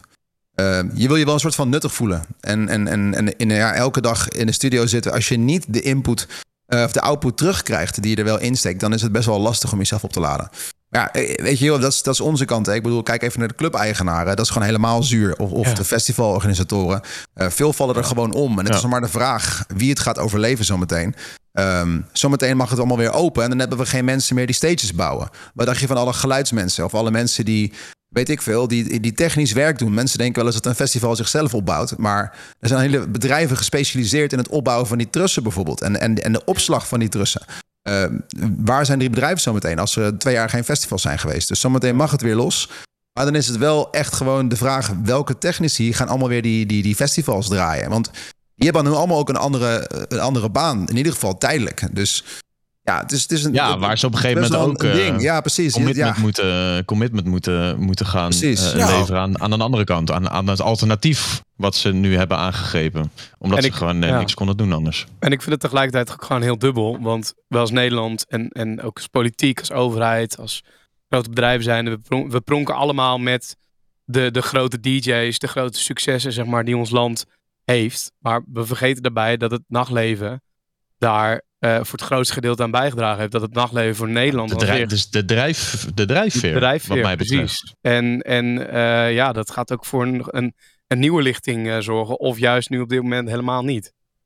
En het is bizar eigenlijk dat dat nu al twee jaar gewoon dicht zit. En dat niemand het erover heeft. Nou ja, niet de juiste mensen zegt. Uiteindelijk. nu Ja, niet zegt, er zijn nee. eigenlijk heel weinig echt nieuwe artiesten of zo, heb ik het idee. De afgelopen twee jaar die echt, eh, of in, in ieder geval DJ's. Eigenlijk zie je voornamelijk de, de wat bekendere DJ's op, eh, op eh, de radio, die hoor je wel. Maar heel weinig eigenlijk nieuwe doorstromers of zo op dit moment. Ja, ja, en dat is meteen Nou, de dat valt wel mee, zorg. Nou, Dat valt Ja, wel mee, zo. want als je kijkt helemaal die deep house industrie, die gaat nu natuurlijk helemaal los. Ik bedoel, eh, dat is een hele andere lichting weer. Denk aan vintage culture en jongens die eh, John Summit, allemaal jongens die vanuit de, van de deep house komen. De, de deep house is een beetje, het klinkt heel, de underground is bijna de nieuwe mainstream geworden in de afgelopen jaar, omdat namelijk de, Ja, de kosten van een- dingen. ja, precies. Maar ook de kosten van, van het bouwen van, van stages daarvan. Dat is een andere vibe. Het is voor een promotor over het algemeen wat minder risico. Eh, ook de artiesten zijn vaak wat minder kostbaar. Dus het is een scene die in een korte tijd heel veel is gegroeid. En ik denk dat dat heel goed is voor de hele clubindustrie. Maar ja, eh, op een gegeven moment moet het wel open gaan. Anders dan... Ja, dus eh, niet iedereen, niet overal, niet in elk land werkt tech house natuurlijk ook even goed. Of, of, of deep house of weet ik veel wat. Dus ja, Nee, en klopt. Ik heb meteen een zorg over eh, op het moment dat stel, het kan allemaal op een gegeven moment weer. En je hebt natuurlijk een toplaag die uiteindelijk, waar het uiteindelijk feitelijk gezien, denk ik, de meeste mensen op afkomen. Ga- gaan clubs en festivals nog wel risico's durven nemen met een, een alternatieve stage? Of eh, eh, net eh, artiesten buiten die buiten de 5 of 1, soms wel 1% van de grootste. Nee, dat, dat weet ik niet. Dat zorgen. weet ik niet, want dat kan je ook omdraaien. je Je, kan het er natuurlijk ook omdraaien. Je kan ook zeggen, ja, straks gaat alles weer open. Dan heb je niet per se een Nicky Romero op de poster nodig om het vol te krijgen. Want iedereen heeft gewoon weer zin om te feesten. Snap je wat ik Zeker bedoel? Ja, Dus- zo kan je het zeker zo ook kan je het al- maar, maar, ja. maar, maar, maar wel als je een paard in de gang wil horen, dan, dan moet je er wel boek hem. Nee, maar ik bedoel, in die zin denk Ja, ik dat er ja, ook ja. wel juist kansen zijn voor opkomende artiesten. Omdat er gewoon het internet doet zijn ding. Je hebt TikTok. Er zijn genoeg eh, eh, gasten eh, eh, of meiden die, zijn, die zo, keihard zijn opgekomen door TikTok in die lockdown-tijd. Dus ik denk Ja. niet dat dat per se, per se minder is. Alleen ja, je kan. Je merkt wel dat ik heb ook wel mensen in de studio gehad bij de radio de afgelopen tijd. Die dan in coronatijd zijn doorgebroken. En die één optreden hebben kunnen doen met een nummer één hit. Dat is toch Ja. bizar? Dan heb je een nummer 1 hit, dan kan je één keer optreden. Dat is, dat is Ja. echt debiel gewoon. Terwijl normaal gesproken een nummer 1 hit, jullie weten wat dat Zou je een betekent. tour mee, dat eh, is gewoon, kan je gewoon mee doen? 365 dagen per jaar kan je weg zijn als je wil. Dat is... Ja, maar ik denk wel serieus dat, dat eh, als ik dan kijk zeg maar, naar de MC-klusjes die ik doe met Chris Deluxe. Dat is dan niet de, eh, hoe heet dat, de, de- de top, top, top segment. Maar gewoon wordt steeds bekender, wordt heel veel geboekt. Wij deden heel veel leuke kroegjes, eh, leuke kleine cafés. Of, of eh, gewoon wat grotere settingen, discotheken. Ik denk eerlijk gezegd dat dat soort plekken nu veel vaker kiezen voor de lokale DJ, het lokale talent wat daarvoor veel minder geld gaat staan. Maar, want ja, het, het komt toch wel vol. Mensen gaan toch wel komen. Mensen willen toch wel uit. Weet je wel? En dat gaat misschien dan, denk ik, een jaar duren. En het komt wel weer. Maar ik denk wel dat dat een beetje het begin gaat zijn. ja, Ja. dat denk ik ook. Ja, misschien was het dan gewoon een te pessimistische theorie van mij, jongens. Ja, nee, Maar ik bedoel- dacht dus van, nou ja, ik ga, ik- het wordt natuurlijk überhaupt in, in DJ-land de oorlog om momentum. Op het moment dat alles open gaat, denk ik dat, dat er heel veel, er komt natuurlijk heel veel nieuwe muziek uit. Ja, en, en op een gegeven moment festivals, voor ik begreep dat Lowlands bijvoorbeeld, een soort van elk jaar een soort net kiet draait of zo. En, en, en, en echt niet met dikke winsten naar huis gaat. Dat dat soort festivals, ja, die willen geen, die volgens mij willen die gewoon geen risico lopen. En, en eh, Ja, alleen met een Lowlands. raakschieten. Lowlands is natuurlijk wel zo dat die, die gaan wel die grote namen nog steeds moeten boeken. Want Ja, daar zijn ja. wij denk ik als bezoekers inderdaad ook gewoon kut genoeg voor. Wij gaan denk Dat ik... we anders niet gaan. Nee, ik bedoel, eh, waarom zouden we anders naar Pinkpop nog gaan? Want ja, ik denk dat dat soort festivals en dat soort plekken dat daar nog wel steeds die aannamen moeten komen om het vol te krijgen. Ik denk dat Pinkpop een van de juist, als ik heel eerlijk ben, denk dat Pinkpop een van de weinige eh, festivals eh, is die niet zoveel nodig heeft. Omdat Pinkpop is zo legendarisch dat ehm, de programmering daar is ook altijd heel divers. En ik denk dat het toffe daarvan is, is dat zij hebben zichzelf echt gepositioneerd als een festival eh, die gaat om de vibe. En niet zozeer van, oh, we hebben deze en deze naam, dus je moet komen. Ehm, het sterke daarvan vind ik ook is dat ze niet ieder jaar ook de allergrootste artiesten boeken. Natuurlijk wel, maar ook heel veel underground en kleine bandjes. En, weet Maar je het dan niet meer over Lowlands dan, dan Pinkpop? Ik zie juist Pinkpop, Pinkpop denk ik, dat is de plek waar iedereen als fan helemaal lijp wordt als de line-up kut is. En Lowlands, daar staan ook gewoon de kleinere acts en zo. Ja, ik, Lowlands, ik zie Lowlands wat meer als ook een, een springpodium voor, eh, ja, een soort van, een soort van springplank bedoel ik, voor, eh, Ja, nee, ja. voor jonger talent. Maar ik denk juist dat Pinkpop natuurlijk ook met al die hoedjes en zo, wat ooit, het is een soort van eigen Oh ja, ding geworden. hoedjes. Maar eh, ja, Garrix heeft inderdaad, ik zie het in de chat ook, die Garrix heeft ook een keer opgetreden op, eh, op, op Pinkpop. Ehm, maar dat was wel een paar jaar, een paar jaar geleden. Maar het, het, het toffe vind ik wel van dat Pinkpop juist een evenement is geworden waarbij het niet alleen draait om de namen. Maar er zijn ook heel veel festivals die dat wel nodig hebben. Denk aan bijvoorbeeld Creamfields in Engeland. Als die, als die niet de allergrootste headliners hebben, dan, dan, dan, trekt het land gewoon niet naar, naar Manchester om, om, om te komen kijken. En ik denk dat wij dat in Nederland bijvoorbeeld ook hebben met, met een aantal festivals. Zonder een aantal festivals eh, eh, te droppen. Want ik weet dat het voor al zwaar genoeg is. Maar gewoon, er zijn wel een aantal festivals die wel echt namen nodig hebben. Maar ik vind het juist tof als een, als een festival dat niet nodig heeft. En dat je als artiest ook soort van blij moet zijn dat je daar mag staan. En terwijl hè, wij denken altijd in de machtspositie te zitten van... oh ja, wij kunnen overal staan. Maar dat is natuurlijk ook niet waar. En helemaal nu, zometeen wordt het gewoon vechten... van wie mag waar staan als het eerste festival weer eh Ja, gaat dat bedoelde ik met de oorlog om momentum. Volgens mij wordt dat wel Ja. een dingetje. Ja, dat denk ik ook. Ja. Maar ik denk ook dat de festivals wel weer, als het mag, als paddenstoelen uit de grond gaan, gaan klappen. Net als de tijd van sneakers. Dat je op iedere hoek van de straat eh, sneakers eh, in de tuin, of hoe heette dat toen? Eh, sneakers in het park en weet ik veel wat. Bloemendaal. Dat je op Ja. elke hoek van de straat zo'n feest hebt. Ik bedoel, dat zie ik ook nog wel gebeuren. En dat zou op zich ook wel lijp zijn. Het zou voor de hele clipindustrie natuurlijk wel super goed zijn. Ik denk dat, een enorme risk zijn, toch? Ik bedoel, het is nu heel risky om even dat je zegt, nou, als het weer mag, nou, weet je wat, ik ga even een festivalletje opzetten dit, dit- dit- deze zomer. Ja, maar je hebt ook garantie op dat mensen hongerig zijn. In, eh, liever te veel dan te weinig, volgens mij. Ja, dat is waar. Ja, en je hebt Precies. ook garantie op overheidsgeld, hè? Dat je toch wel ja. iets, eh, iets krijgt. Nou, Is dat, is, is dat er Nee nog? hoor, dat valt heel erg tegen.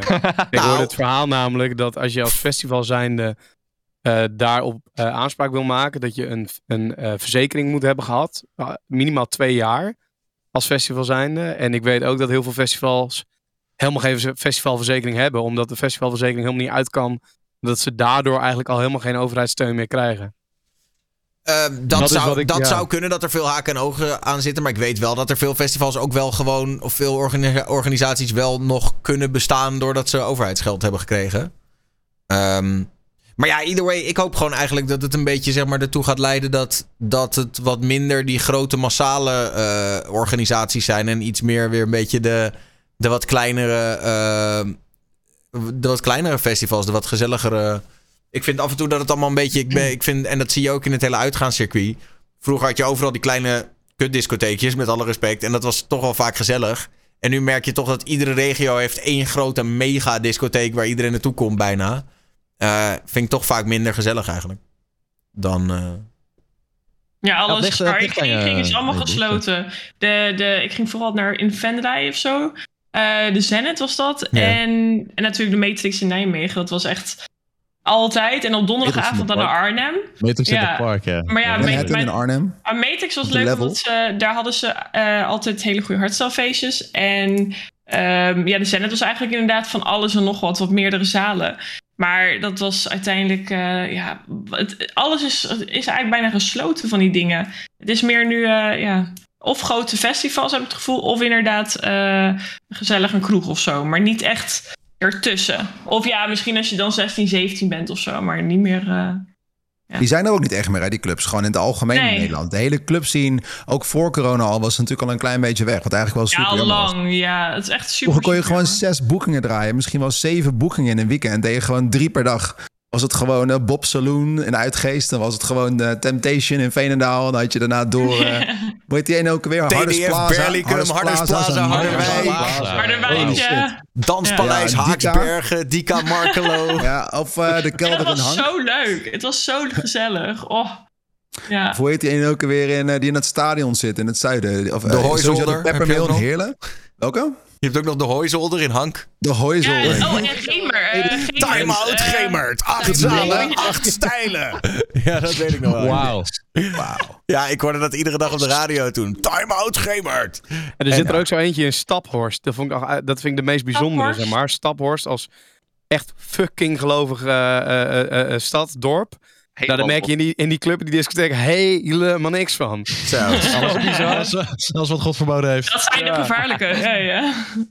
Ja, die moeten ze de hele week inhouden. Dan kunnen ze die zaterdagavond nog even net voor die kerk, weet je wel. Bam, bam, bam. Zondagochtend Half doorgesnoven op de zondag zitten ze. Ah, met alle respect, jongen. Oh, gaat dat. Rodenburg. Zo, ja. In ik- Beest. Rodenburg en Beest. Ja, ja, beest. ja, ja, ja. Die is nu Oh, dicht. Ja, Ja, daar die ging was ook wel leuk. ook, zeker vanaf denk ik als je, daar ging je met school al heen dan. Nou, dat was dan echt super tof. En daarna dan was je dan, was je misschien 17, 18 en dan ging je voor het eerst daarheen. Ja, dat was echt, echt super leuk. Wat- Starlight, Nijkerkerveen. Ja, ik wilde hem net noemen. Ik wilde zeggen, was de Starlight in Nijkerkerveen Brothers en? Bunnik. Ja. Brothers. Jeetje. Ja, zeker. Oh ja, Brothers. Ja. nog wel deels, toch? Ik kan niet geloven dat het allemaal weg is. Maar ik heb gewoon Nee. het idee dat festivals... Dat, dat is in de zomertijd is festivals echt het ding. En dan in de wintertijd is het meer de cafeetjes en die dingen die goed draaien. Ja, Ja, cafeetjes sowieso, of, een, of een binnenfestival. Inderdaad, in een 013 of zo. Ik denk ook wel dat dat voor corona ook wel, want we hebben voor corona ook gewoon een, een, een overload gehad aan festivals. Er waren op een gegeven moment echt superveel. Volgens mij in de politiek werd er op een gegeven moment gepraat over we moeten minder festivals hebben. Ik denk dat dat ook wel een beetje al een ondergang van een club en zo inzet of zo. Wat Ja. een kutbesluit is dat ze echt. We moeten Ja. minder festivals Ja. hebben. Even serieus. Wat kom je dan met een kutnieuws naar, Slechtste idee naar je werk?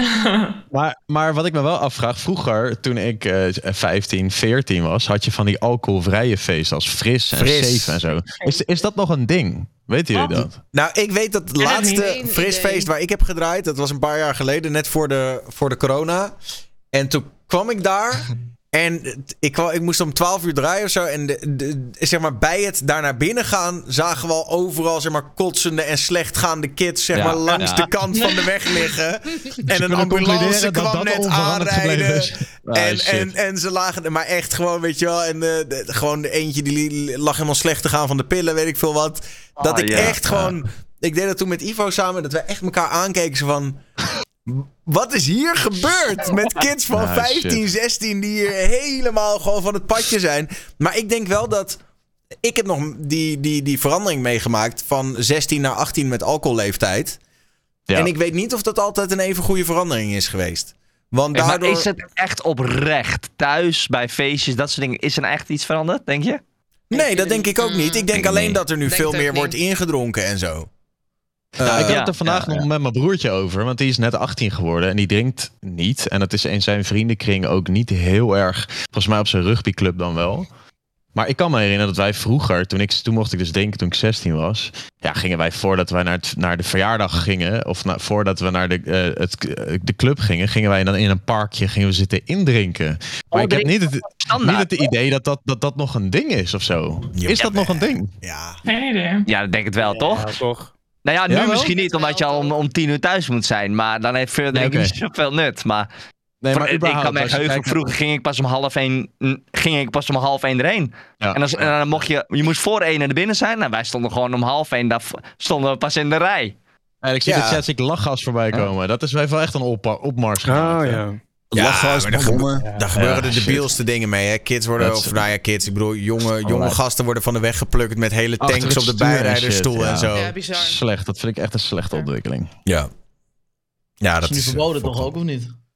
Ja, grijs Ja. gebied of zo. Nee, nee, nee, nee. Achter het stuur sowieso. Dat- Als je Nee, met zo'n tank achter achter het stuur... dat- nee. Nee. nee. En de verkoop is heel erg aan banden gelegd. Dus die gasten zijn wel... eh, Ik weet nog op een gegeven moment toen ik net begon met IRL streamen. Toen, eh, dat was drie, vier jaar geleden of zo. En, eh, drie jaar geleden. En toen, toen ging ik veel naar Amsterdam s'nachts. En ik weet nog dat er een periode was dat er is één stream geweest.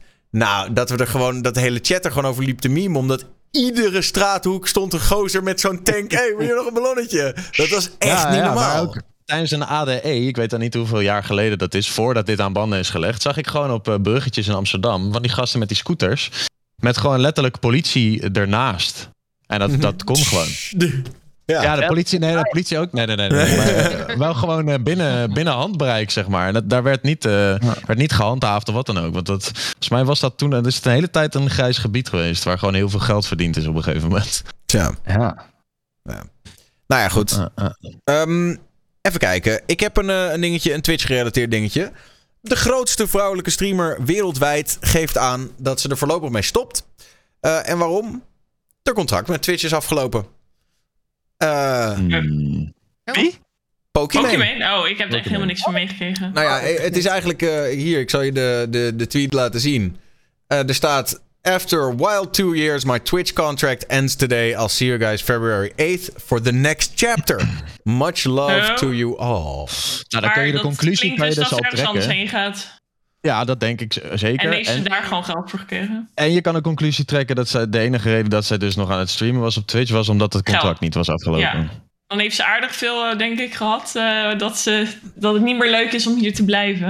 En dan wordt ergens anders gewoon beter betaald. YouTube. bekend wat ze gaat doen? YouTube. Nou ja, dat denk dat, ik wel. Denk, Dat denk ik Na- ook, ja. Naast, naast eh, Twitch is dat eigenlijk wel de enige platform volgens mij waar nog steeds eh, heel veel mensen heen gaan ook. en veel veel geld- wordt gegeven. Ja, ja, ja, die willen gewoon, die plukken ook heel veel gas van Face Clan. eh, p- eh, pik- plukken die ook weg van, eh, van Ja. Twitch, zodat ze gewoon een betere deal krijgen. Hm.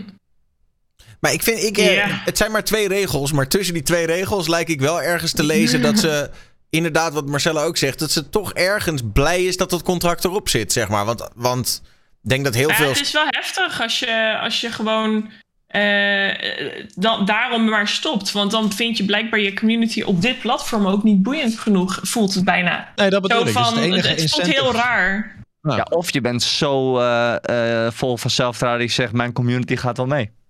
Ja, dat denk ik sowieso. Ik denk dat dat uiteindelijk Ja. ook wel voor een groot gedeelte is. gebeurt, toch? Ja, als mensen jou Nou ja. kijken, als mensen jou Eer, ik, kijken. ik zou zelf niet iemand. Als ik, ik. Ik zit eigenlijk alleen maar op Twitch. Maar ik zou zelf niet iemand echt volgen, denk ik. Meer gewoon omdat ik een bepaald platform dan gewoon niet chill vind. En Twitch vind ik wel chill als het gaat om het kijken. Maar je moet niet onderschatten Ja. dat veel van dit soort mensen die nu die move maken, hebben al een enorme following op YouTube. En vaak nog wel meer volgers op YouTube dan, True. dan Ja. dat ze op Ja. Twitch hebben. Dus dat helpt mee natuurlijk. Ja. Ja. YouTube Ja, is eerlijk als zij, ehm, als zij met onderhandelingen met Twitch er niet uitkomt en eh, Twitch zegt van nou dan, dan geen contract.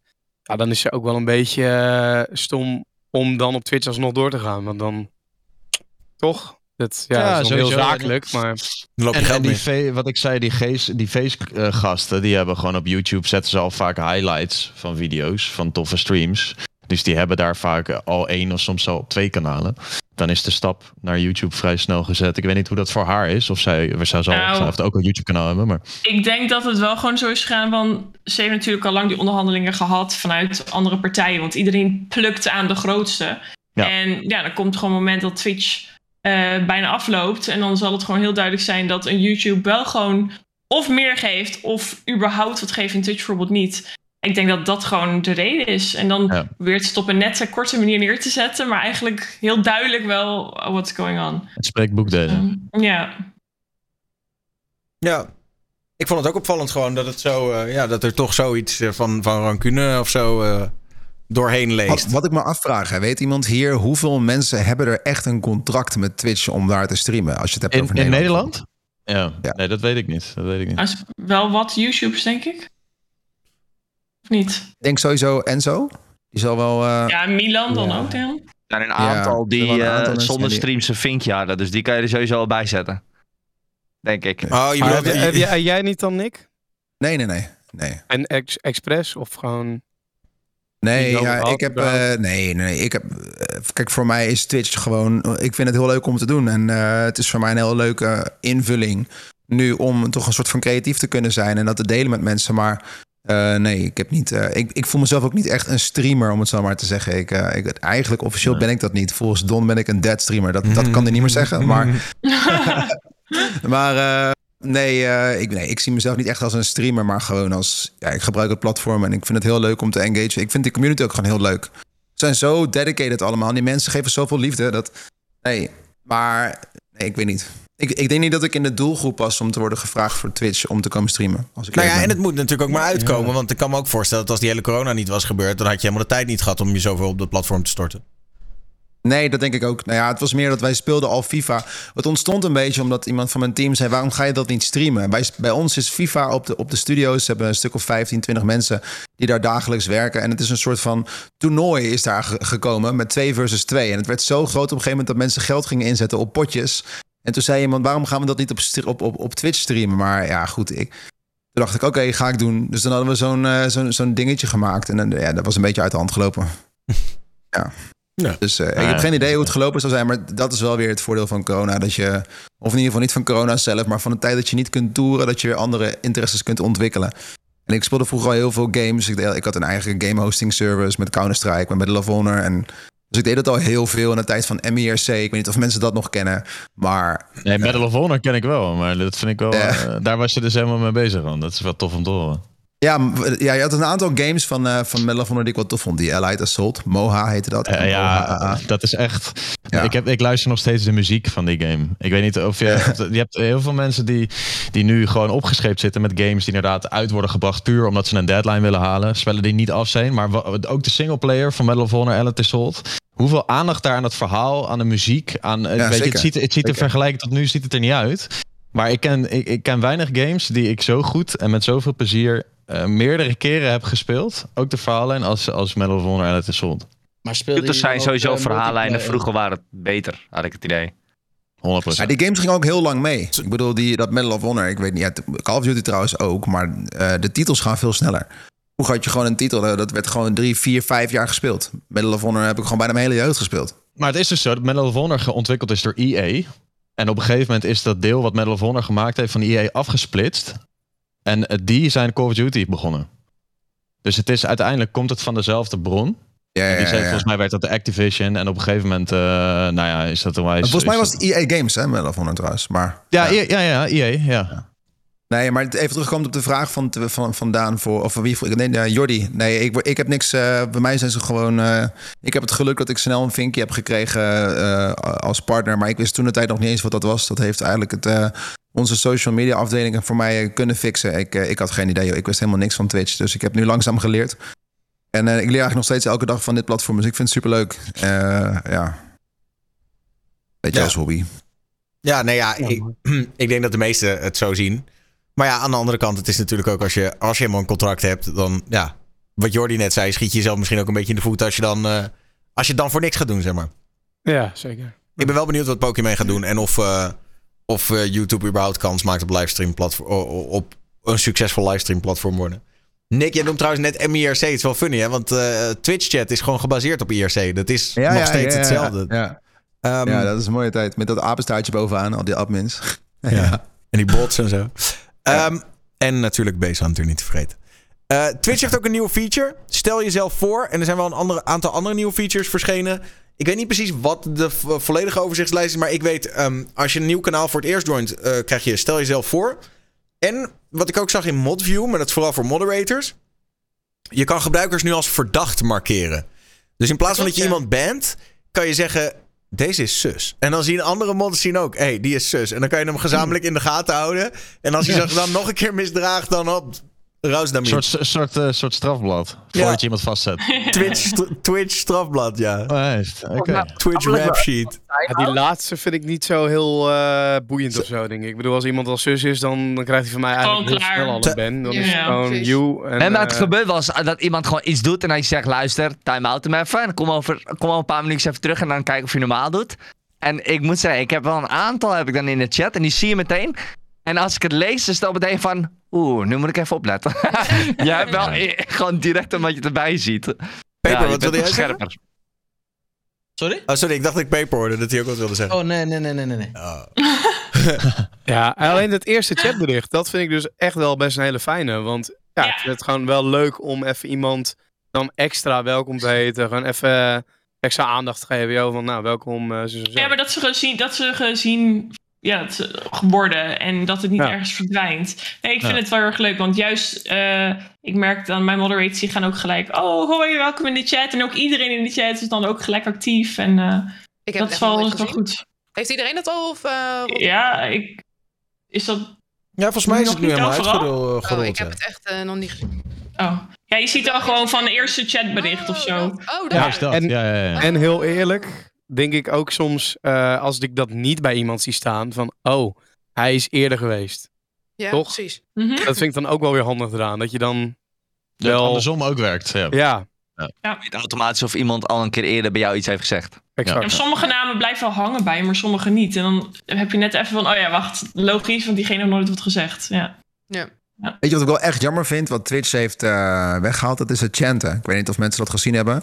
Dat vond ik Ja. echt zo vet, die feature, om, om Ja. wat te kunnen chanten. En dat, dat, ze- dat dat weer weg is, vind ik wel echt heel jammer. Ja, ik vind bedoel, ik eh, dat was wel echt een ding. Dat je zo'n, ik dacht in het begin, wat is dit nou weer? Eh, eh, maar bij mij kon het helaas niet. Maar dat was echt gewoon, eh, ik vond het wel mooi. Jammer dat het weg is. Maar ik vraag me af waarom ze dat hebben weggehaald ook. Hoe- sorry, hoe hoe werkt dat dan? Die accounts kon dat. Je kon eh, slash chant doen en dan kon je een eh, bericht, een moderator of dan de streamer zelf, die kon een bericht eh, schrijven. En dan konden alle andere kijkers konden dan op die knop klikken en dan stuurden ze precies datzelfde berichtje. Oh, ja, oké, als je wil hypen of Hype zo, dan deed de moderator ja, en dan gaat iedereen op die hype. Ja. Superleuk voor je chat, dat, omdat er gewoon even wat gebeurt of zo voor de mensen die kijken. En het is heel laagdrempelig, want je kunt gewoon op die knop klikken en daardoor schrijf je precies hetzelfde. En daardoor heb je wel echt gewoon een stuk activatie in je chat. En dat is denk ik heel belangrijk voor een stream. Ja, Maar ik goed, er vond, zijn mensen die het niks vinden. ik vond het wel funny, want heel veel mensen hadden zeg maar dan hun eerste chatbericht was dan dat ze meededen aan die chant, zeg maar. Ja, kapot mooi was dat toch? Maar ja, wel leuk. Nee. Maar de, de, Ja, het nodigt toch ook uit. Er zijn natuurlijk ook heel veel mensen die kijken en die zeggen niet per se iets. Hè? Die zitten gewoon misschien een kwartier, twintig minuten kijken zonder een woord te zeggen. En misschien dat dit dat toch uitnodigen om even te zeggen: Oké, ik doe mee met die chant. Ja, ik weet het niet. Nodig wel uit. ja, Ja, stem. maar ja, het schijnt dus dat ze het hebben bekeken in de statistieken en dat technisch gezien mensen dus sneller uittunen, omdat blijkbaar kunnen ze dan de chat niet meer volgen. Dat vinden ze niet leuk Ja. en dan denken ze, oké, ik ben weg. Ja. Maar je kan het toch ook gewoon aanzetten op je kanaal of uit. Net als met eh, emote only of met eh, sub only of eh, dat soort dingen. Dat zou toch leuk zijn dat je gewoon dat de streamer bepaalt: oké, eh mijn het kunnen zelf dat wel of niet. Ja. Ja. ik bedoel, dan kan het toch ieder kanaal kan het toch zelf weten. Ja, maar ja, dan denkt kanalen- Twitch, wij, willen jou niet de vrijheid geven om iets te doen waarmee jij minder kijkers zou kunnen trekken. Want het is ook hun bottom line natuurlijk. Ja, ja. Maar is het toch ook zo met sub only? Ik bedoel, daar ga je toch ook kijkers op verliezen? maar dan ga je weer money op maken als het goed is. Dat is het. Ja, maar, ja, maar ja, dat, dat, dat, dat klopt. Alleen er zijn ook waarschijnlijk veel meer mensen die eh, een het niet drempel zien om te gaan kijken. Ja, Ja. precies. Ja, Van precies twee van, oh wauw, oké, laat maar. Ja. Ja. Ja. Ik ga nooit in een. Ik, ik bedoel, ik, het is niet dat ik heel veel eh, eh, verschillende kanalen kijk. Maar als ik af en toe rondkijk, ik ga niet kijken bij een kanaal wat sub-only is. Dan moet je. Ik vind dat zo kut. Je kan niet eens wat roepen, je kan niet reageren. nergens op. Alleen, eh, alleen bijvoorbeeld met, eh, hoe noem je dat, die marbles on stream of zo, dan deed ik bijvoorbeeld follow only. Eh, ja, als je mee wilt doen in de chat, moest je bij volgen. Anders ging deel van, ja, dat was wel een goede soort van tactiek om mensen toch te laten volgen. En mensen vonden het niet irritant, omdat ze wel begrepen waarom je het op dat moment deed. Ja, dat is Eh, ook maar- een stuk milder. Want je vraagt niet gelijk eh, geld van nee, mensen. voordat inderdaad. ze, dus eh, mensen vinden het ook niet vervelend. Maar dan heb je in ieder geval gewoon eh, dat het. Dan heb je die mensen die alleen maar komen om dat te doen. Maar dan gaan ze ook in ieder geval volgen. En dan komen ze soms ook wel gewoon terug. Maar dan ook alleen dan hoor. Want anders vind ik het ook niet heel chill. Ik zie in de chat dat follow only over het algemeen niet als heel eh, prettig wordt ervaren. Maar ja, ik snap wel waarom het Ik zou bestaat. het ook verder nooit aanzetten. Alleen maar voor zulke dingen. Want dan doe je bijvoorbeeld een soort van giveaway via een, een Marbles on stream. Dan is dat gewoon veel chiller. Ja, met giveaways misschien wel. Dan zou ik het, eh, dat is de enige eigen reden waarom ik het zou overwegen. Precies. Ja. Iemand die misschien al langer gevolgd is. Maar ja, dat bereik je er misschien ook niet eens mee. Want dan gaan mensen gewoon volgen puur om mee te doen met de giveaway. Ja, Ja. ja. Ik heb, En als ze niks winnen, weer ontvolgen. Ja. Ik heb een, eh, een dingetje en dat, eh, ehm, dat gaat over TikTok. En eh, die hebben hun stats bekendgemaakt. En Facebook toevallig ook. Want er zijn, het, is, het kwartaal is, of ik weet niet precies hoe dat zit. Maar het, het was in ieder geval een moment om de investeerders bij te praten. Over hoe gaat het Ja, met de jaar, bedrijven. jaarcijfers en zo. Jaarcijfers, ja. En dat hebben zowel Facebook als TikTok hebben dat gedaan. Eh, en in het geval van TikTok pakt dat eh, gunstig uit. Want eh, TikTok wordt blijkbaar steeds een volwassener platform. Dus in Nederland worden de gebruikers steeds ouder. Steeds meer twintigers en dertigers komen erop terecht. Ehm, ja, en dat is eigenlijk een beetje het soort van... En bij Facebook gebeurt... Die zijn wat later in die cyclus. Je ziet eigenlijk dat bij die platformen... De, de kids ontdekken het. Dan wordt het steeds ouder en ouder en ouder. En zodra je oma erop zit, denk je... Ja, ik moet door naar het volgende platform. Ja. En, dat- en nu krijgen we straks dat de oma's op TikTok komen. En dan komt er weer iets nieuws, denk ik. Of... Dat was ook met Hives, toch? Dat was een beetje de, hoe dat toen ook met Hives gelopen is. Ja. Maar met TikTok alles is toch? zo verslavend, hè. Oh, dan zeg je even vijf minuten op TikTok kijken, ben je zo'n uur verder. Dan denk ik, kak, weer een uur niks gedaan. Ja, het is heel scrollbaar. En dat is Ja. gewoon gevaarlijk. Ja, Ik denk wel dat het bij TikTok wel, wel positiever is dat het dat het ouder wordt eigenlijk. Terwijl het bij een Facebook en een, nou, een Instagram misschien wat minder is. Ik bedoel, als je ouders erop zitten, dan is het al vrij kut. Maar ik denk dat TikTok zo jong begon en zo erg kiddie was met Musical.ly en weet ik veel wat, dat het nu Ja, ja. juist, juist toffer is dat het wat ouder wordt. Ik heb gewoon oprecht heel lang getwijfeld om TikTok te nemen. Omdat ik dacht van, hé, hey, ik ben al boven de 30. Kan dit nog wel? Nee, ik snap- ik snap die ik snap je gedachtegang. helemaal, ja. Is dit geen Marco Ja. shit, dacht jij? Ja. Wacht even, ben jij boven de 30? Oh mijn god. Nee, nee, nee, 26. Oh.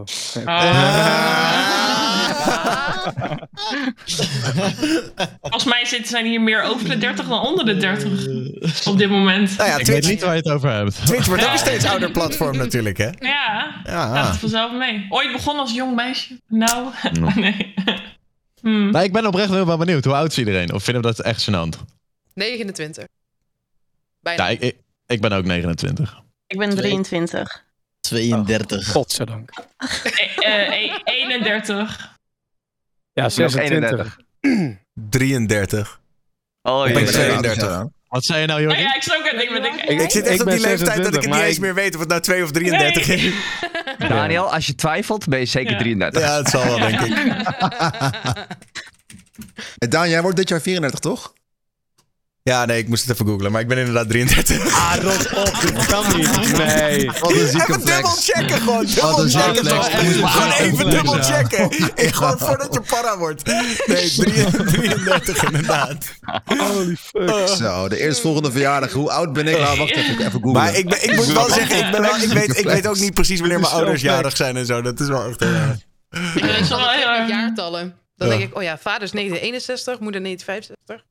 En dan moet ik gaan rekenen, anders weet ik het ook echt niet. Nee. Even op mijn eigen wiki kijken hoe oud ik ben. Ik moest Maar even dubbel wie, wie was checken. nou 4, eh 3, 24 van? Ik ben 23. Oh, 23. Jeetje, wat joh. Toen begon ik met streamen. Ja, nou, nou ja, ja, precies. Oh, jeetje. Marcella heeft even zo'n soort reflection moment van oh my god. Nou, ik- ja, ja, een beetje. Hey, als maar Marcella, dit- luister. Ja, Ik bedoel, we- laten we even inzoomen op Powerman Martin. Die doet het ook gewoon nog steeds lekker. Dat kan gewoon. ja, ja. dus- Ik bedoel, er is het- gewoon... de- het is alleen Ja. maar beter geworden content. Als, je, als ik kijk naar die eerste stream, denk ik, wow, die, dat zou nu gewoon niet meer haalbaar zijn. Dat, nu is echt de content al een stuk hoger gelijk als je in het begin met streamen dan toen er tijd. Was het gewoon camera, een heel oud ding waar je allemaal pixels zag. En eh, Of niet eens een Eh, camera.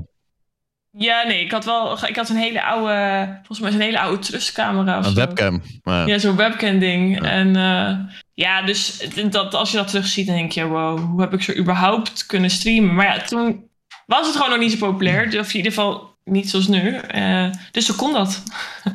ja, Ja, ik vind het dus heel vet dat. Ik vind het heel vet dat dus, dus ik weet niet of iedereen hier Powerman Martin kent, maar ik vind Ja. het, er zijn mensen die hem dan pesten online en dat snap ik dan niet zo goed eerlijk gezegd, want Nee, ik vind het super tof. hobby, toch? Ja, maar hoe vet is het nou dat die man komt thuis van zijn werk? Ik weet niet Ja. precies wat hij doet. En, die, en in de plaats van dat hij eh, tv gaat zitten kijken, Veronica Insight of Voetbal Insight, gaat- gaat deze man op Twitch investeren om een eh, Go XLR te kopen en eh, Warzone te streamen. Ja, sorry hoor, maar ik, ik, heb, ik heb echt respect voor deze man. Ik heb Ja. hem een keer gerate. Ik vind het gewoon super, super tof. Ik, eh, ja, ik ga hem Die nu zijn wel volgen. heel erg... eh, ja. Zijn mods staan wel heel erg streng. Zijn eh automods. ja, maar dat Ja, komt ook omdat hij. Het komt ook, ja, maar dat komt ook omdat dat hij gewoon veel. wel bij hem. Ja, maar er worden ook rare dingen gedaan. Weet je, ze Ja. gingen bij hem aanbellen met eten, wat ze niet Ja, hadden afgerekend. Dan denk ik, ja, waarom zou je zo'n man dan pesten, weet je? Pesten ben ik sowieso tegen. Omdat maar, hij anders bedoel- is. Dan, Ja, maar joh, luister, deze guy is gewoon toch een legend. Dan is hij in de 50 en dan en is hij lekker eh, Warzone aan het spelen. Ik hoop echt dat ik op die leeftijd gewoon nog zo erbij kan zitten en denk, ah, ik ga een potje Ja. Warzone doen. Dat is toch legendary? Het is gewoon letterlijk iemand gallen. Ja, omdat hij iets, iets heeft gevonden wat hij leuk vindt om te doen. Ja. Nee, dat daar ga ik echt slecht op als mensen dat ja eens. 100%. ja. Maar dat heb je op elk platform heb je dat wel misgunnen. Ja, of zeker. zeker. Ik wil trouwens ook nog even een shout-out doen aan Accordeon Arjan. Is ook gewoon een, eh, een iets, iets eh, oudere guy die eh, lekker met zijn accordeon altijd eh, op Twitch eh, zit te spelen. En eh, ja, dat is gewoon nice. Eh, Accordeon, hoe heet hij? Accordeon Arjan. Ik ben wel getroffen met je naam. Dat allitereert ook wel lekker. Nou, is toch mooi, hè? Accordeon Arjan. Arjan van de accordeon.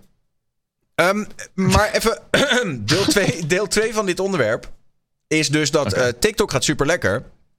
Maar Facebook heeft voor het eerst eh, zeg maar in hun stats laten zien van ja, we, we, we groeien niet meer. Sterker nog, we verliezen members. En dat was nog nooit gebeurd in de geschiedenis van Facebook. Eh, en iedereen, alle investeerders raakten in één keer zo in paniek dat het, ik geloof, echt met 100 miljard in waarde gedaald is of zo. Echt debiel. Maar En doen jullie nog wow. met Facebook?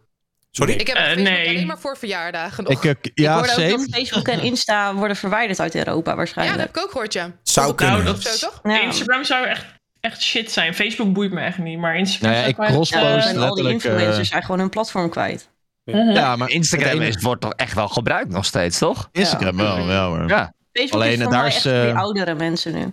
Ik krijg op Instagram wel heel veel van die NFT-aanbieders. Die zeggen Ja, van, hey, ja, I want to do a business proposal met 25.000 euro inleg. En dan eh, heb je zo meteen 15 miljoen heb ik ingebroken in je huis, in je leven. En dan weet ik wie je ouders en wie je familie... Ja, man, ik krijg al die... Jezus. Allemaal van die... Dus jij ik krijg wel gedaan, steeds eh, meer spam eh, op, op, op... Nou, ik op krijg heel veel DM's ervoor of ik een QR-code wil kopen. Afgelopen Wat? paar Ja. maanden krijg ik heel veel in berichtverzoeken. Staan er dat soort, eh, dat soort dingen. En het enige waar ik Facebook voor gebruik is eigenlijk voor het crossposten van wat ik op, Insta op Instagram zet. Precies, het is enige. gekoppeld- Ja. Mijn, eh, mijn artiestenkanaal op- Instagram is gekoppeld aan mijn Facebook. Eh, het, het enige irritant is dat ik het dan nog los op Twitter moet zetten, want dat kan je niet koppelen. Maar eh, Facebook inderdaad, eh, mijn hack voor verjaardagen niet vergeten. En verder was dat het een beetje. ja. Ja. Ja. Ja, nee, ik denk ook dat het langzaam de pijp uitgaat, eh, Facebook. Maar ze gaan zich wel verzetten. En ik denk ook dat dat hele Facebook en Instagram verdwijnt. is meer een soort dreigement volgens mij. Want, zij, eh, want de EU, ehm, hoe dat precies zit, is de EU wil eh, grote bedrijven verbieden om data van EU-burgers in andere landen op te slaan. Dus je mag niet meer zeg maar, onze data in Amerika opslaan. En Facebook heeft nu zo van. Nou, dan doen we wel helemaal geen Facebook en Instagram meer in Europa. Ah, oké. Wat in Ja, de praktijk waarschijnlijk niet gaat gebeuren. Maar ze willen gewoon de Nee, je EU onder druk eh, zetten. door, een, ja. eh, door een serverhok eh, hier ergens in, eh, in Ja. het midden van Europa te zetten en dan is het gefixt. En het, is ook een beetje, het voelt voor mij ook een beetje... Oh, als we jullie niet mogen misbruiken, dan laat maar hoor. Eh, dat vind ik ook wel een beetje... Dat, ja... Ik, eh, dus nou ja, we gaan het zien. Maar Facebook inderdaad, ik denk dat ze daar hard aan moeten trekken. Wil dat nog wat worden. Over eh, dingen die niet lopen gesproken. Heel kort even. Google Stadia is eh, stilletjes eh gekild. Tenminste, het Oh, ja. bestaat nog wel. Maar Google heeft eigenlijk al laten weten van... we gaan, eh, we gaan daar niet meer in investeren. En we gaan het eh, langzaam... eh, Wat? Google Stadia. Dus Nooit dat? van gehoord. Dat was ook dienst waarbij je toch Chromecast game-achtig kunt doen. Ja, het idee was zeg maar gamen op afstand. Dus je kocht geen console meer. Maar je nam een abonnement op Google Stadia. En dan hoefde je alleen maar een controller in huis te halen. En dan speelde je Ah. games vanuit de cloud. Was Ja, dat niet ook maar- met de Nvidia, ja, die Nvidia Shield of zo? Die had dat ook. Dat je al die games eh, daar. eh, ja. Dat is Ja. wel oud. Nou ja, ik, Uiteindelijk willen toch te veel mensen die 3080 en die 3090 hebben en zo, toch? dat is Eigen denk PC bouwen, alles. Ja, uiteindelijk zijn mensen daar wel eh, vooral... eh, maar het was allemaal niet aan te vliegen, toch? Tijdens die corona-ellende. Eh, dat het chiptekort. En eh, volgens mij is mijn PC in een half jaar tijd een paar honderd euro meer waard geworden dan dat ik hem had gekocht. Dat was ook een gekke gang van zaken. Beter dan de bitcoin. Ja. Zeg dat wel. Ik heb een serieus onderwerpje nog. Ehm. Er is onderzoek gedaan. eh, en dit is in coronatijd gedaan. Dus 20, eh, 2020 en 2021. En blijkt dat in die jaren twee op de drie vrouwen in Nederland is lastiggevallen op straat. Eh, wat In wat voor geval? in eh, alle verschillende vormen. Dus dat kan zijn nafluiten of eh, aangeraakt worden. Of gewoon van, van, van, van zeg maar puur verbaal tot aan fysiek. Maar twee op de drie vrouwen heeft wel een nare ervaring op straat gehad. Wie, wie niet, zou ik bijna zeggen dan. Ik bedoel, ik denk dat iedereen Ja. wel een keer minimaal eh, iets naar de... eh, als ze zeggen, geen meisje, en dan niet reageert, hoer. Ja, nou ja, dat, Ja. dat heb Ja, je dat is zo altijd wel de- vaak. Dat is een beetje de classic, hè? Dat je, dat Ja, je dat is niet de classic. reageert, dan ben je Ja, gelijk... zieker. dat is- Van, ja, oké, ja. ik reageer niet, dus dan Ja. is het slecht. Ja, ja, ja. Dat is het Ja, dus ik denk, ik denk dat minimaal iedereen wel bijna gebeurd is. Als dat, het is bijna gewoon een wonder als dat niet gebeurd is. Denk ik. Denk Ja. ik ook, ja. Ik denk wel dat het... Of dat in je billen wordt geknepen of zo. Ja, dat is vooral soort- met dat uitgaan. met naar je gaan fluiten en zo. Heb ik gelukkig nooit op straat gehad, maar wel met uitgaan zo vaak dat dat gebeurde. Dat was echt. eh ook en hebben jullie, eh, hebben jullie dames het idee dat nu met die hele bewustwording die de afgelopen paar jaar toch eigenlijk wel, naar mijn idee, meer en meer is geworden, dat dat dus wel aan het, dat dat vermindert? Nee. Nee. Nee, maar de, de mannen die het doen, hè, die hebben daar ook echt scheid aan, volgens mij. Die boeien het allemaal niet, wat het dan met de vrouw eventueel kan doen. Maar zijn het Mhm. vooral oudere mannen? Zijn het dit ook Nee, jongeren? er zit, er zit ook echt jochies van.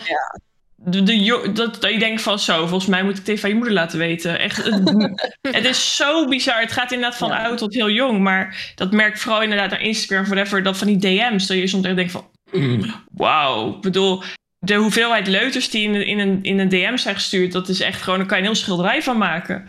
Dus, ja, ik blijf dat interessant vinden. Want wat ik, ja, je hebt dan mensen die kicken op het feit dat je het dan hebt geopend. Maar is er, zit er ook daadwerkelijk een, een doel? Zeg maar, wil iemand ook daadwerkelijk dat jij daar dan... Van, oh, leuk. Ja, eh, eh, ze, wanneer ze kan je? denken, ze denken volgens mij echt dan wel van... Oh, kijk dan, dat heb ik gedaan. Naar, naar in hun ogen misschien wat die ze eh, tof vinden, fan van zijn, whatever. En ja, ja en ja, inderdaad, volgens mij verwachten ze gewoon een bericht van... eh, zo, ja, nou, dat ziet er goed uit. Ja, Ja, maar wie, wie stuurt dat? ja, nou, ja, Niemand. eh, niemand. Nee. Ja. Maar Nee, iemand ik, die zegt eh, ook in de chat bijvoorbeeld van... Zouden jullie andere mannen erop aanspreken, maar ook op straat of zo? Ik heb het dus ten eerste nog nooit een andere man zien of horen doen. Maar ik weet ook niet wat ik, wat ik op zo'n moment zou doen. De ene kant zou, zou je willen dat je je bek opentrekt. Maar Nee, durft als- het niet als er- bijna ja, maar- tegenwoordig. Ja, maar als er al een figuur is die dat doet... eh, wat voor figuur heb je dan überhaupt al voor je? Ja. Ja, Dat- ik moet zeggen dat snap ik het eh, helemaal. Maar ik als man ja. zijn, als ik daarvan, zeg maar, eh, als ik dat mee zou krijgen dat dat gebeurt. Ja, ik, ik hoop dat ik er wat van zeg, maar ik weet ook niet wat voor figuur ik voor me heb.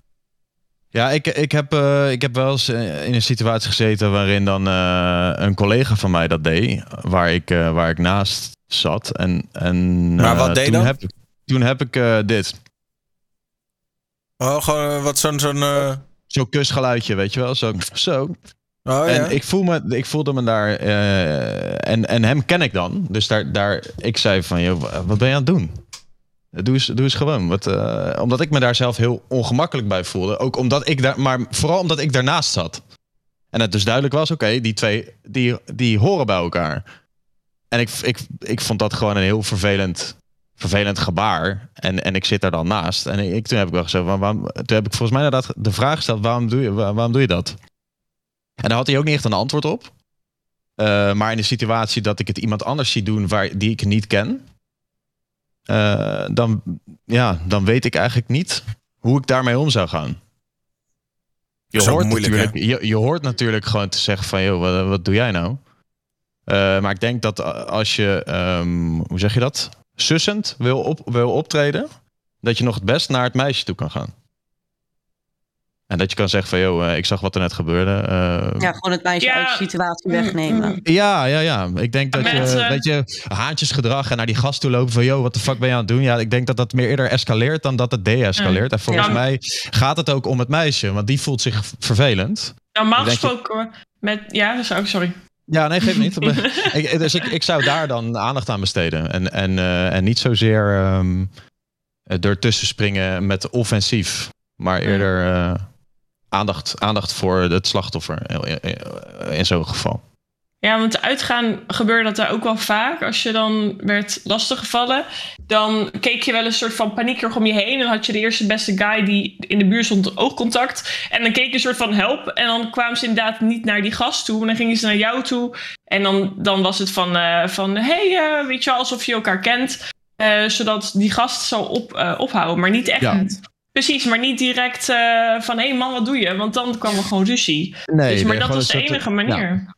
Gewoon een handreiking op dat vlak doen. Ik denk Ja. dat dat Ja. misschien ook. eh, eh, En op dat moment, Ook wel- wel moment fijn mag het zijn. ook wel. Want dan kijk je al diegene aan van... Yo, help mij. ja, Dus ja, dan, ja. dan is het van... Je hebt wel eens dan of te doen ze even snel een arm af. Zo van, hé hey, schat. Alsof het je vriend is of zo. Allemaal prima als dan die mafkees maar weg is. Nou, Ja. En daarna is het hey, bedankt, eh, ciao.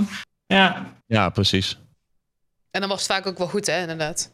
Ja. Als je gewoon even deed dat je bij die andere, ja, die... eh, Er, was er, ook geen, er kwam er ook vaak geen ruzie. Of dan Nee. zei die ene gast die je dan was van... Oh, sorry man, sorry man. En dan gaan ze weg. Ja, want daar ja, heeft het meisje in kwestie ook geen reet aan. Als het een vechtpartij wordt en iedereen wordt uitgezet, ja, wat heb je Nee, dan joh. bereikt? Ja, niet zoveel. Ja. Le- Denk ik. Mm, ja. Maar ja, Twee op de drie op straat, maar hoeveel digitaal dan? Is dat 100% of eh, hoeveel? het ligt Ja, eraan in hoeverre niet je... 100. Ja. Niet 100, denk ik hoor. Maar het ligt, ligt er ook aan hoe en waar je je begeeft natuurlijk. Als jij alleen een, een eh, Facebook-account maakt en alleen je close friends en familie daar toevoegt, dan zal je waarschijnlijk niet zo lastig gevallen worden. Maar als jij eh, gaat streamen, dan eh, krijg je in één keer een hele bak eh, gezeik over je heen, denk ik. Maar als, Ja, ik denk dat elke als, streamer vrouwelijke streamer? Als vrouwelijke streamer, hoeveel, denk je? Ik denk iedere vrouwelijke Ik denk daar streamer wel 100% bijna, ja. Ja. dat denk ik ook wel. Ja. Ja, denk ik ook. Ik denk dat je daar echt niet Ik denk sowieso op het moment dat het niet eens streamen, maar ik denk als jij gewoon al een, eh, een vrouwelijke Insta, Insta-influencer bent of wat dan ook. Ik denk sowieso als je op social media zit eh, als Ja. vrouw, denk ik wel dat je ja, wel bijna vanuit kan gaan dat, eh, dat, het, eh, dat het een keer gebeurt. Mhm. Ja. Ja, weet je wat ik wel heel heftig vind? Mijn moeder die werkt bij zedenzaken bij de politie. En eh, die, had ook, ja, die, die zegt ook, je wil niet weten hoeveel vrouwen zich onveilig voelen om s'avonds de hond uit te laten. Heel veel. Om ergens een rondje te lopen, om naar de supermarkt te gaan. Om, eh, kijk, wij staan er denk ik, ik, ik spreek niet, ja, ik kan niet voor iedereen spreken, maar ik sta er niet genoeg bij stil zelf. Dat het wel eens hele onveilige situaties kan opleveren. En toen ik laatst hoorde, ja, maar mannen die roepen gewoon dit of die roepen dat of die roepen zus. Eh, ik sta er helemaal niet bij stil, omdat het ons vaak niet overkomt. Ik bedoel, ik heb nog nooit gehad dat ik door een steegje liep en dat ik een guy hoorde roepen: hey, weet je wel. eh, Ja, maar dat hebben we vorige eh, dat- al wij- hebben die hele ervaring natuurlijk niet. Dus als ik dat dan zie, dan, of ik hoor dat, dan, dan, dan denk ik bijna van, hè? Kan er niet Als ik aan de vrouwen hier vraag, zeg maar, hebben jullie iets bij je, zeg maar, wat je kan gebruiken als wapen? Want dat hoorde ik toch de vorige talkshow, heb, het, heb ik, nou niet de vorige, maar een keer terug het over gehad. Ik vond het best wel schok, schokwekkend of zo, dat mensen gewoon pas zo. hebben, pepperspray mee hebben. Ik zou, het wel, ik zou het wel willen meer. Ik deed vroeger altijd als ik in een taxi ging, eh, had ik altijd mijn haarlak eh, in mijn hand klaar. Zodat ik iets kon doen. Of als ik eh, wel eens eh, s s'avonds ergens liep, dan waar het een beetje wat donkerder was of zo, dan had ik gewoon eh, mijn, mijn sleutels tussen mijn handen. Dat ik Ja. het zo kon doen, zeg Ja, maar. dat iets. heb ik ook wel eens gedaan. Sleutel. Ja, dus, eh, maar vooral taxis in Nederland, ik, ja, ik, ik ga er gewoon. eh, Uber durf ik dan nog wel, zeg maar, omdat ook een. Eh, daar hebben ze best wel een heel veiligheidssysteem in verwerkt. En eh, kan je gelijk een melding sturen als, als die man of haar maar anders rijdt. Maar een taxi voelt echt compleet van: ik stap in en overal kan ik heen gaan. Eh, dus ja, ik voel me daar totaal niet veilig in een taxi. Nee. Ook in Nederland heb je volgens mij eh, de, de, de mogelijkheid om jezelf te beveiligen. Is ook eh, ja, niet alles. Mag niet. Nee, Nee, je mag niet. geen pepperspray, mag allemaal niet. Dus, nee, dus dat komt, dat komt denk ik ook. eh, omdat eh, volgens mij ook uit onderzoeken naar wapens, eh, vergun- wapenvergunningen, is op het moment dat je het bij je hebt, verlaagt de drempel echt aanzienlijk om het ook daadwerkelijk te gebruiken. Ook in situaties, nou, ja, dan is het even buiten dit onderwerp.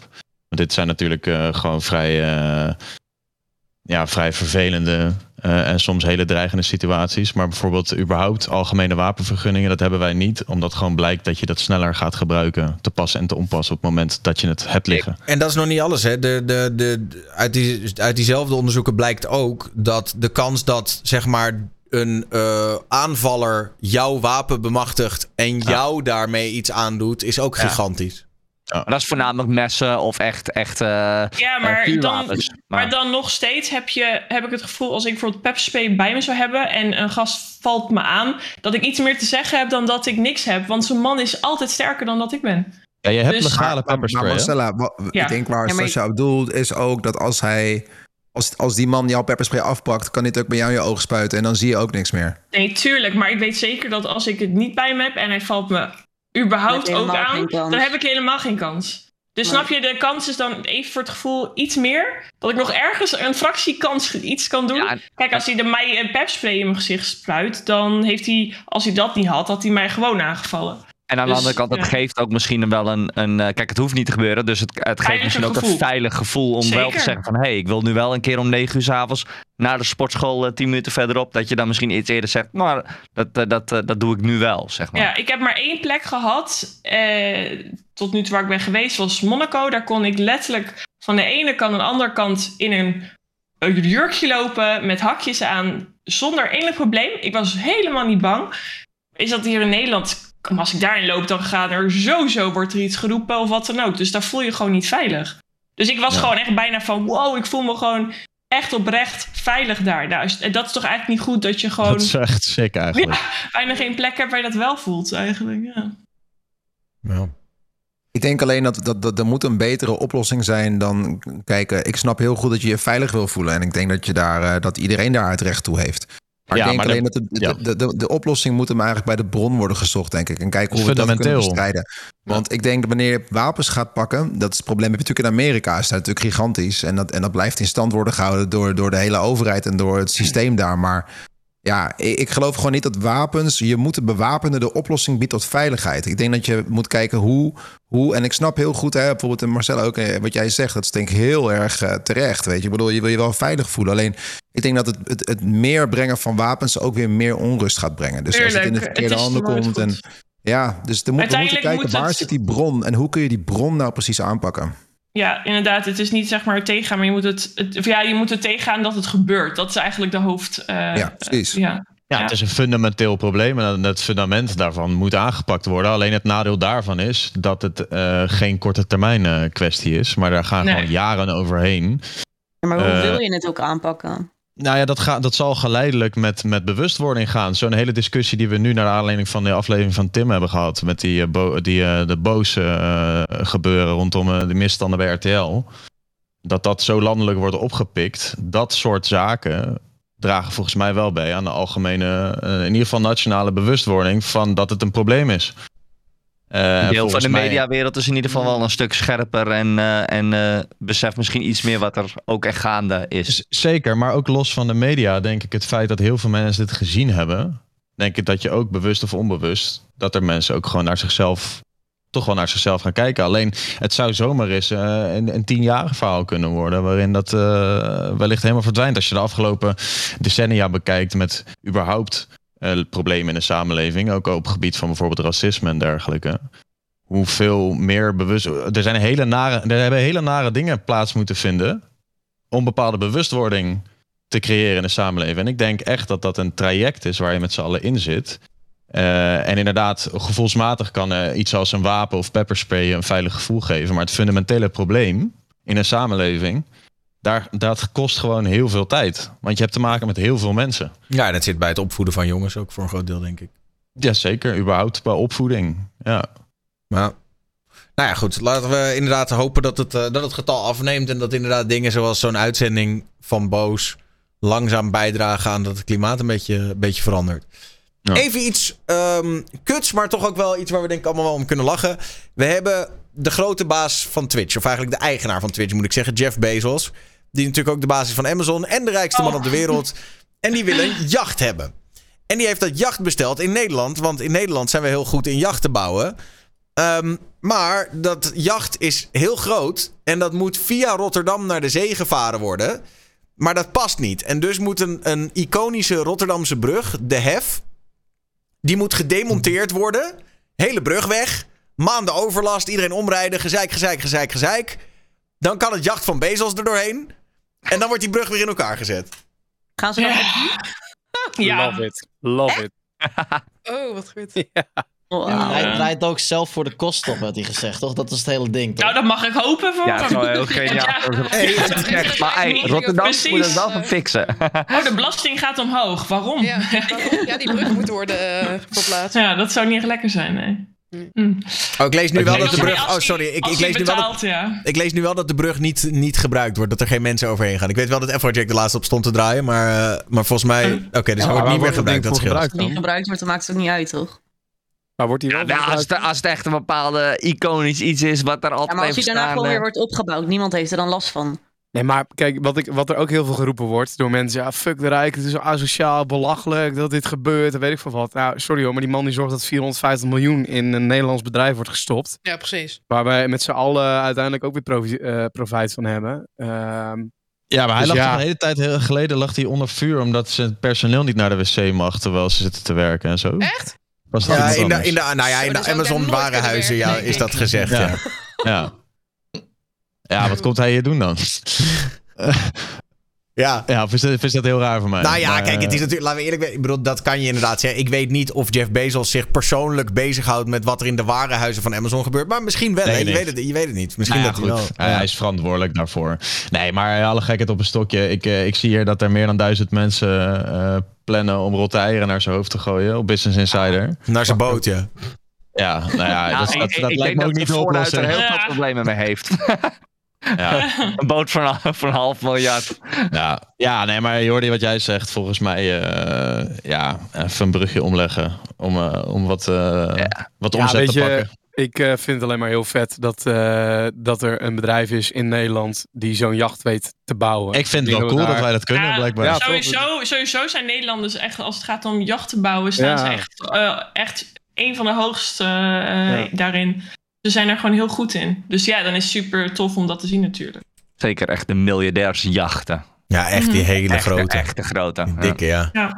Ja, je hebt ook zeg maar dan Monaco die eh, ehm, Monaco Yacht Show. En daar heb je dus echt gewoon een hele stand. Echt zo'n Nederlandse stand. Dus het is echt alleen maar eh, Nederlandse hapjes, drankjes, eh, Nederlandse muziek. En het is gewoon echt een groot ding daar. Omdat Nederlandse bedrijven staan daar gewoon heel hoog. Dus het is echt alsof je even in Nederland gewoon binnenstapt daar op dat moment. Dus ik, eh, ik vind het heel tof dat, eh, dat wij als zo'n klein land zulke vette dingen kunnen bouwen. Ja. Ja, is ook zeker iets om trots op te zijn. Eh, wat ik wel wel, eer, ja. het enige wat ik wel jammer vond, is dat ik sprak een, een, eh, een journalist uit Rotterdam hierover.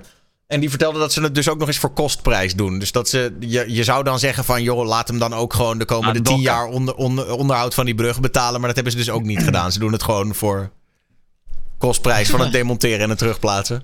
Ah, ja. Ja, maar ja, goed. Ehm, dan eh, is het eh, Black History Month. En nou hebben wij daar in Nederland niet zoveel mee. En op zich, eh, of tenminste hebben we daar niet zoveel mee. Dat zeg ik, zeg, zeg ik misschien een beetje ongevoelig. Maar ik bedoel, dat is natuurlijk een Amerikaans ding. Ehm, Ja. En heel veel platformen doen daar aan mee. Eh, en veel platformen liggen daarvoor ook onder vuur. Want ehm, Xbox had bijvoorbeeld een post geplaatst over Black History Month. En hoe ze daar eh, iets mee gaan doen. Ehm, ja, en de haatreacties waren natuurlijk niet te stoppen. Toen heeft iemand nog als een soort fake Xbox-account gereageerd om alle racisten op hun plek te zetten. Dat was dan wel weer mooi. Ehm, maar ik vroeg me af, in het geval, en die vraag stelde iemand ook in, in Discord deze week. In het geval van zo'n Black History Month, als op het moment dat je zoiets doet, dat dat zoveel haat eh, oproept, is het dan juist goed dat je dat doet om bloot te leggen van kijk, daar zit dat? Of, of is het ergens ook weer, vraag ik me af. Ja, het zegt natuurlijk wel iets dat er nu nog zoveel haat, zeg maar, dat dat, dat, dat, dat het uitlokt, bij wijze van spreken. Ja. Ik bedoel, ik vind niet dat, dat je dat moet zeggen, oh wacht, dit gaat waarschijnlijk veel haatreacties opleveren. Nou, laten we dat maar even niet doen, zeg maar. Nee, nee, nee, klopt. En ik denk dat het eh, awareness wat dat betreft, eh, ik weet je, is natuurlijk nooit verkeerd. Ehm, alleen het gaat, het, wat ik altijd met dat soort punten eh, belangrijk vind, is wat is inderdaad de grond van het feit dat je dat deelt. En je hebt natuurlijk ook bedrijven die, die heel graag willen uit, uitdragen. kijk, ons is inclusief zijn en bewust zijn. En, en, en Xbox natuurlijk een gaming platform. Eh, waarvan je ook zou kunnen zeggen, eh, eh, zijn die, moeten die zich in een positie zetten waarin ze dat soort zaken Maar gaan is dat uitdragen? A- Andere kant, andere kant, inderdaad, is het erg? Eh, Heeft iemand daar eh, last van? In principe is het extra awareness, dus, dus winst. Ja. Maar wat gaan ze Ehm, precies doen dan met eh, Black History Month? Ja, dat was mij ook niet helemaal duidelijk. gehoord. Nou ja, het idee is, volgens mij is het begonnen op Amerikaanse scholen. En het is gewoon een, een maand waarin de geschiedenis van eh, eh, donkere mensen extra wordt uitgelicht. Eh, en dus ook Omdat het die heel vaak onderbelicht is geweest Juist. in de geschiedenisboeken en dergelijke. Ja, omdat ze natuurlijk tijdens de slavernij was dat, werd daar helemaal niet eens over gesproken. Weet je wel, was het gewoon, ja, de blanke man dit, de blanke man dat. Oh ja, en trouwens, er zijn ook nog slaven. En het is eigenlijk om dat recht te zetten van, hé, hey, daar is ook een hele rijke geschiedenis en laten we ons daar eens in verdiepen. Eh, maar eigenlijk zoals met veel dingen is het nu ook een beetje, wat Sascha zegt, ook een soort marketing ding geworden van, hé, hey, wij doen ook mee met Black History Month. En dat is misschien een beetje, de, de- oorspronkelijke gedachte ben ik helemaal voor. Maar die marketinggedachte, dat stuit mij, een beetje tegen de, stuit mij een beetje tegen de borst, eerlijk gezegd. Ja, al, al, al bereik je er wel hetzelfde doel mee, namelijk awareness. Meer mensen Ja. zullen het lezen. Dus in die zin, uh, who cares? Ja. Eh, alleen ik vind, eh, ik heb überhaupt zelf principieel vaak een probleem met op een hype stappen, eh, waar, de- ja, waar het dan ook om gaat. Nu maak je dit wel heel plat als je het een hype noemt. Nee, het is natuurlijk veel, veel meer dan dat. Maar eh, dat, dat vind ik altijd een beetje. eh, Ja, ik snap eh, wat- eh, ja. eh, wringen of zo. Vrij, hoe zeg je dat? Ik vind dat altijd een beetje wrang daaraan. Ik Maar ik vind het in principe vind ik een, eh, geen verkeerde move. Ik snap wel wat Daniel bedoelt, maar ik denk ook ergens als er dan als er marketing voor nodig is om hier dan meer awareness voor te krijgen, dan zij het zo. Ik denk dat het juist goed is dat dit soort grote bedrijven misschien dit openbreken en het hier meer over gaan hebben. En de echte reden daarachter zul je nooit echt weten, denk ik. Maar als het uiteindelijk het doel behaald wordt hierdoor, dan ja, Het doel heiligt de middelen. nou, niet altijd misschien, maar...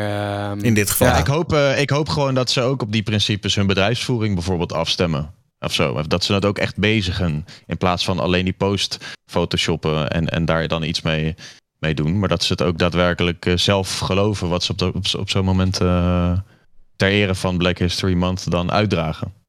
Volgens mij gaat Twitch Amerika, die gooit wel... eh, en die gaat echt zelf voor mij ook online, toch? Met allerlei creators die dan eh, het hosten en noem maar op.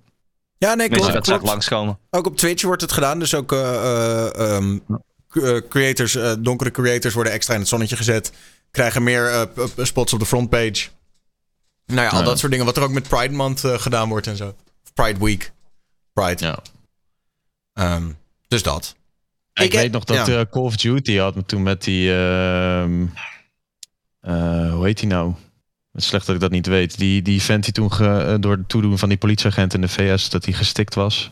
George Floyd. George, George Floyd. George, George Floyd. Toen heeft had Call of Duty, toen was Warzone was onwijs aan het hypen op dat moment. Die hadden toch ook bij elk laadscherm. Ook een soort, Ja, ja, een soort zwart scherm met een tekst, een soort tribute naar überhaupt de awareness daarvan. Hadden ook veel mensen kritiek op toen. Ja, Ja, ik denk alle statements die je maakt, eh, hoe, je het, hoe je het ook bent of keert, je gaat altijd kritiek eh, krijgen. Dat is gewoon standaard. Of je nou met Pride eh, Week of Pride Month of wat dan ook. Er is, er is altijd wel een groep die, die er iets eh, over te zeggen heeft. Het probleem Ja. is sowieso met, met, met, met dit onderwerp is dat eh, er is altijd een partij die het niet met je eens is. Er is namelijk, het is zo lastig om dit op te lossen. Helemaal in Amerika heb je daar gewoon, dat is echt bijna een onbegonnen zaak. Het houdt ook een beetje elkaar in stand. Dat is, het is, het is, het is zo'n ongelooflijk. Ik denk dat het wel goed is dat er een beetje educatie eh, bij komt, weet je. Alleen, het is ook zo, als je het mij vraagt, dan blijft het ook nog steeds in stand worden gehouden door de manier waarop, waarop waarop ehm, eh, mensen met het hele onderwerp omgaan. Ehm, ik, ik weet niet, of volgens mij heb ik het een keer verteld aan jou, eh, Daan, maar ik kan bijvoorbeeld aan, aan een bepaald deel van het land eh, kan ik bepaalde tracks niet draaien, omdat ik dat als, als witte man dat niet mag draaien. dat heb jij. En- ja, en- bedoel je in Amerika. East Coast Ja. versus West Coast, zeg maar. Ja, precies. Dat, dat, dat- ja, het is zo lastig ook. Dat, het houdt het ook een beetje in stand of zo soms, weet je wel. Dus het is, we moeten daar allemaal, we moeten daar allemaal hetzelfde standpunt in nemen. En eh, dat, ja, het, ik weet niet, het, het is een ontzettend lastig onderwerp om dat... Ja, ja, en daar is Ja. dus ook geen, een beetje hetzelfde waar we het net over hadden. De een, een eenduidige, een eenduidige oplossing is daar niet voor. Volgens Nee, mij is dit, dit ook weer zo'n meerjarenplan. Precies. Dat gewoon op een gegeven moment worden er nieuwe schoolboeken geschreven waar misschien wat meer eraan gewijd wordt. Worden mensen hopelijk een beetje verdraagzamer. En zal stukje bij beetje het probleem eh, nou ja, hopelijk oplossen. Ik denk dat het heel veel mensen niet eh, alles durven te zeggen wat ze denken met betrekking tot het onderwerp. Want voordat je wat zegt, ik ben me daar heel erg bewust van. Ik heb er wel een mening over, of dan wil ik wel iets zeggen soms. Maar dan denk ik, ja, nee, het is zo gevaarlijk, joh. Als er één ben me er in dit wordt gepakt Ja, in dit gesprek ben ik er ook vertaald en wel er komt een eh, vertaling onder. bewust. En, en het Ja. komt op, weet je, op, op, op een Amerikaanse eh, roddelpagina of weet ik veel wat. Voor je het weet ben jij die guy die, die daar wat over roept. En dan ben ik echt de laatste persoon die daar wat over moet gaan zeggen, denk ik. Dus het is, het is zo lastig ook. Het onderwerp is ook heel lastig, omdat niemand... Heb ik, naar mijn idee, heel weinig mensen durven zich echt, echt uit te spreken, weet je, in dit onderwerp. Ook Nee. omdat je weet dat, dat misschien niemand dat, he- dat hele gesprek dan gaat terugluisteren. Ja, precies. En ook kan omdat, heel snel veroordeeld worden. Ja, denk ja. ik. Ja. Zou wel goed zijn voor Daan's talkshow. Gaat gelijk global, maar... Hey, maar eh, ik heb het idee dat er eh, 100 fans bij Marcella voor de draam staan of zo. Nee, nee, politie en shit. Nee. Oh. nee Nick, Nick, appt ook al. Maar eh, nee, dat, eh, ik, dus ik hou het even in de gaten. Want weet je Ja, ik zag je al opstaan en appen net. Maar, Maar ik het is niet voor ik jou? dacht misschien eh, thuisbezorgd Ja, of zo. ja, ze komen wel halen. Iets zou bezorgen. Nee. Nee, ja, nee. Dus jij wil pepperspray kopen? Bij het arrestatieteam in één keer bij je binnen. Ehm, ja. Dus, maar het is afgesloten terrein. Dus het is heel raar als er iets staat, zeg maar. Oké, nou Ah. hou het inderdaad even goed in de gaten. Want het- het is wel een soort macaber bruggetje naar eh, wat... eh, ja. Heb je het gezien? Wat Ariana heeft meegemaakt eh, deze week? Ja, die was er opeens eh, ja, was, eh, eh, inval gedaan of zo. Of nee, wat was er nou gebeurd? Die toen iemand wilde inbreken of zo? Ja, yesterday my stream got interrupted by a man who banged and broke my Oh, door. I've been escorted out by What the the police fuck? and will be streaming in a different location today. I hope you guys like the new setup. Ja, Ariana Ja, is, zoals we er kennen, altijd Zij heel... woont in Zweden nu, hè? Ja. Ja, Wat de hel. heel raar. Ik heb die eh, stream, dat stukje zeg maar, terug zitten kijken. Ik vond het heftig hoor. Oh, heb, er stond ook echt... eh, Oh, ja, ik heb het helemaal niet gezien nog. Maar... Ja, ik heb, Ik het ook ook nog, niet- ik heb het ook nog niet gezien. Ik heb, het alleen, eh, ik heb alleen die tweet gelezen. Ik was er nog niet echt naar op zoek gegaan. Maar, je had toch zo'n eh, zo'n eh, trend op een gegeven moment dat je dan eh, fake politie kon bellen op iemands Swatting. adres en dan werd er Ja, ja, swatting. ja. Swatting. Dat- Crazy. Dat was ook wel ziek hoor. Eh, volgens mij... oh, nee. Ja, nee, maar ze woont nu... eh, eh, nee, eh, die woont nu... Even kijken. Zij woont in Zweden al een tijdje, volgens mij. Ja, ja, volgens mij ook ook. In Amerika is dat swatting is ook volgens mij een veel groter iets. Omdat dat, daar gaan ze echt heel serieus om Omdat de politie gewoon lijp is daar, bedoel je? Nou, nee, maar kijk, eh, het is natuurlijk als jij, ik noem maar wat, Texas zit, dan is natuurlijk, eh, ja, de kans dat je wapens kan hebben is een stuk groter dan, eh, dan dat ik hier zit en dat de mensen zeggen, oh, maar vlug, ja, je hebt misschien wel dikke wapens in zijn woning. Ja, hoe groot is de kans Hier komen ze gewoon aankloppen en zeggen... meneer, we hebben een telefoontje gehad. Mogen we even binnenkijken? En daar is gelijk... Put your fucking hands Ja. up. Ja, het is wel een verschil, ja. En dan zeg je hier, nee, je mag niet binnenkijken. En En dan dan, is het hebben ze een maand dan gaan later we een huiszoekingsbevel, weet je wel. Ja. Ja. Nou, ik Ja. zie Fem nu ook in de chat zetten dat het geen kijker was, maar iemand die daar in de buurt woonde. Ah, oké. Nou ja, dat scheelt Zie je dan. gewoon, het is gewoon random dan. Ja, meestal is eigenlijk wel kapot, toch? Ik probeerde dat fragment even te zoeken, maar ik kan het niet vinden. Nee, ik denk dat ze het ook wel offline heeft gehad. Ik kan me voorstellen dat ze Ja, niet, niet per se dat eh, is daar niet- dat is niet extra... prettig. Maar eh, hoe dan ook, ik vind dat wel... Dat is, weet je wel, ik als mannelijke streamer heb vaak toch... Waar, een beetje in relatie tot het onderwerp wat we net ook hadden... voel me toch vaak wel heel veilig, weet je wel. Dat ik denk, ja, kom op dan, wat ga je doen? Eh, en ja, als ik dan zoiets lees, kan ik me voorstellen... Ja, dat dat voor de vrouwen misschien toch anders ligt. Dat je gewoon toch altijd weet van... Ja, er kan altijd een of andere lijpo tussen zitten die... eh, ik zag een nieuwsartikel, geloof ik, over... ehm, ik ben heel even vergeten over welke zangeres het ging. Maar in ieder geval, grote, wereldwijd bekende zangeres. En die had ook weer zo'n stalker. Die echt helemaal in, haar hoofd, of in zijn hoofd al had, eh, had besloten van... ik heb een relatie met jou en ik wil met je trouwen. En we gaan samen dit en we gaan samen dat. En Oh, wauw. Ja, maar dat, dat, dat heb je natuurlijk wel als je op social media of wat dan ook heel groot wordt. Je krijgt echt van die hele bizarre fans. Ja, ik bedoel, eh, voor mij had Amorant ook een keer toen zo'n heel serieus interview gedaan of wat dan ook. Ook Ja. eh, met een Amerikaanse interviewer. En die, toen sprak ze zich eigenlijk ook uit wat je totaal niet verwacht van haar. Maar die zei ook van ja, ik bedoel, ze- er zijn gewoon mensen die oprecht gewoon al denken dat ze vijf jaar met mij getrouwd zijn. Gewoon fans die gewoon een heel beeld hebben verzonnen. Gewoon. ja, dat je Een denkt, pathologisch leugenaar of zo, die dan in zijn Maar die eigen het zelf verhaal, ook eh, die, Over, ja. die zijn echt overtuigd van het feit dat ze gewoon al twee of drie jaar getrouwd zijn met haar. Ja, bizar. bizar ja. Ik zag wel één keer die dat Badr Hari dat had. Dat toen een, eh, die toen werd hij volgens mij, was dat tijdens de hele, had op een gegeven moment zo'n rechtszaak lopen. Dat er dan een dame ook eh, naar hem toe probeerde te lopen en zei, kom schat, eh, we gaan. En het is security, eh, wie ben jij? En dan ging ze helemaal zitten gillen en op een gegeven moment werd ze, werd ze eruit gezet. Maar die had dus ook in haar hoofd dat zij, dat, ze, dat het haar partner was. Ja. bizar. Ik, ik, ja, dat is wel een gekke. ik kan me niet voorstellen dat dat zo. Maar goed, je hebt mensen. Ja. Nou ja, goed. Eh, Sorry, dan- ik viel, ik viel iemand in de reden nog. Oh. trouwens. Ja, ik vroeg me af, best ik, vroeg me af of, of mannen zich ook onveilig voelen op straat. Want ik denk dat er toch ook onder met mannen toch ook wel zulke dingen toch wel eens gebeuren. Dat heb ik wel je hebt gehad toch hoor. ook random, je hebt toch ook van Ja, die berichten gezien van dat er jongens in elkaar zijn geslagen zomaar uit het niks, toch? Maar ik denk meer dat dat situaties zijn. Dus zeg maar gewoon, ik, als ik voor mezelf spreek, ik voel me in mijn eentje op straat niet onveilig. Maar Mhm. als ik langs een groep dronken gasten loop, weet je wel, die Ja, allemaal... je ook niet heel relaxed, toch? Nee, dan heb ik ook Nee. wel zoiets van, ik kan ze beter niet te lang aankijken, want ik ben alleen en zij zijn met vijf. En je weet niet hoe dat afloopt, zeg maar. Ja, precies. Maar Daan, jij bent een van de weinigen die dat heeft meegemaakt met, eh, met Jorik. Met eh Little Kleine. Eh, oh ja, dat was dan met een vuurwapen. Ja, ja, ja. Nee, ja, god, ja. Maar dat, ja.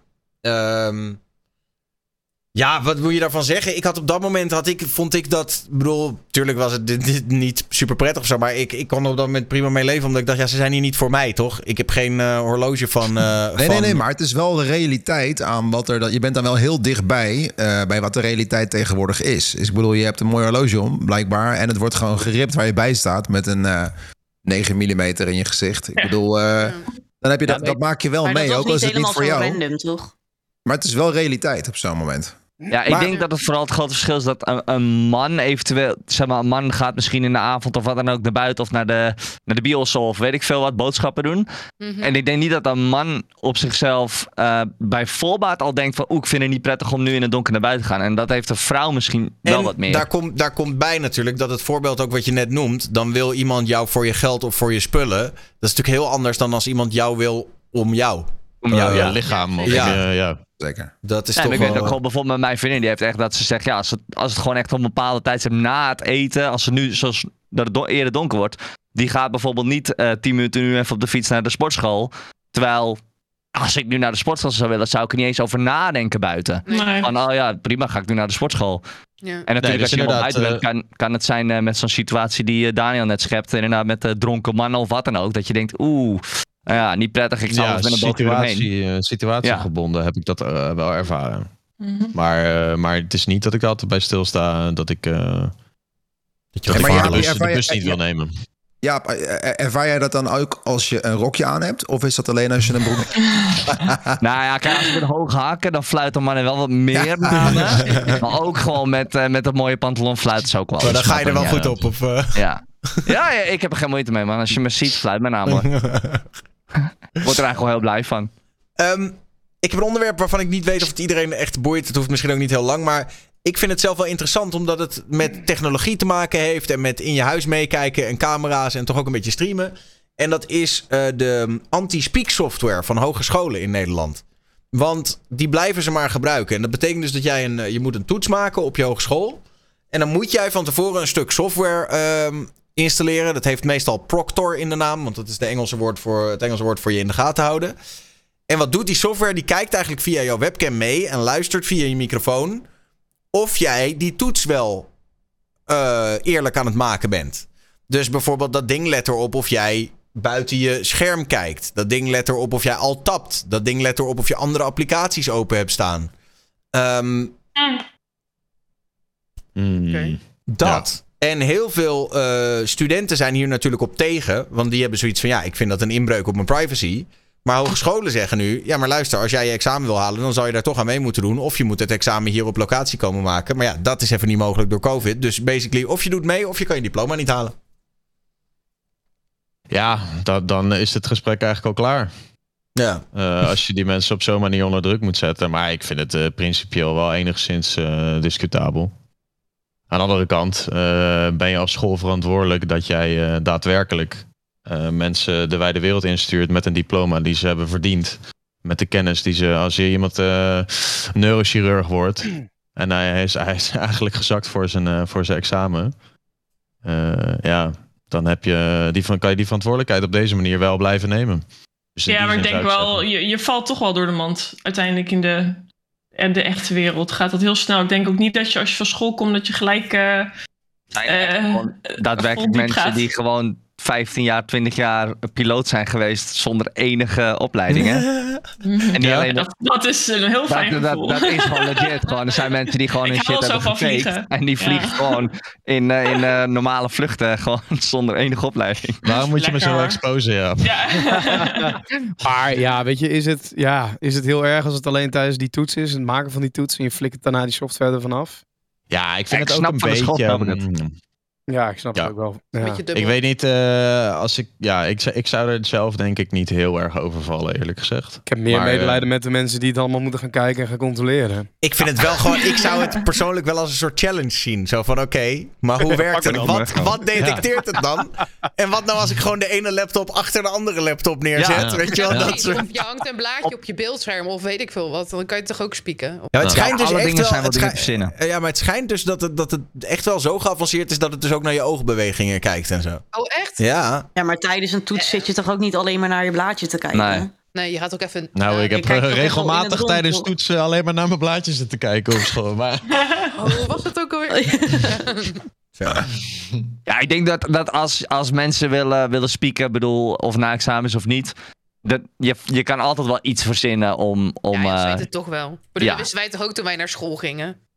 Met je eten. Ja, ik had ook mijn tactiekjes. dingetjes en eh, weet ik het allemaal. Had je zo'n rekenmachine had waar je gewoon de helft in kon Oh, zetten. ja, Ja. precies. ja, die GR, Ja, ook, ja. grafisch, grafische unit. ja, maar dat is wel kloot. Dan moest je echt vet lang scrollen om het ding te vinden wat je nodig had. Je kon hele berichten typen. Waar we het eerder over zouden moeten hebben, waarom die rekenmachines 120 euro moeten worden. Niet normaal. Daar zeg je Maar je had er twee, hè? Je had er twee. Je had zo'n hele Instruments. ziek geavanceerde en zo'n Mhm. eh, zo eentje waar je hele, waar je hele boek, waar gewoon Harry Potter in kon worden geschreven. Ja, De TI-58 uit mijn hoofd. ja man. Holy Ja, shit. Als jij gelijk hebt. Daan, dan ben je wel een legend. Ik ga nu googlen.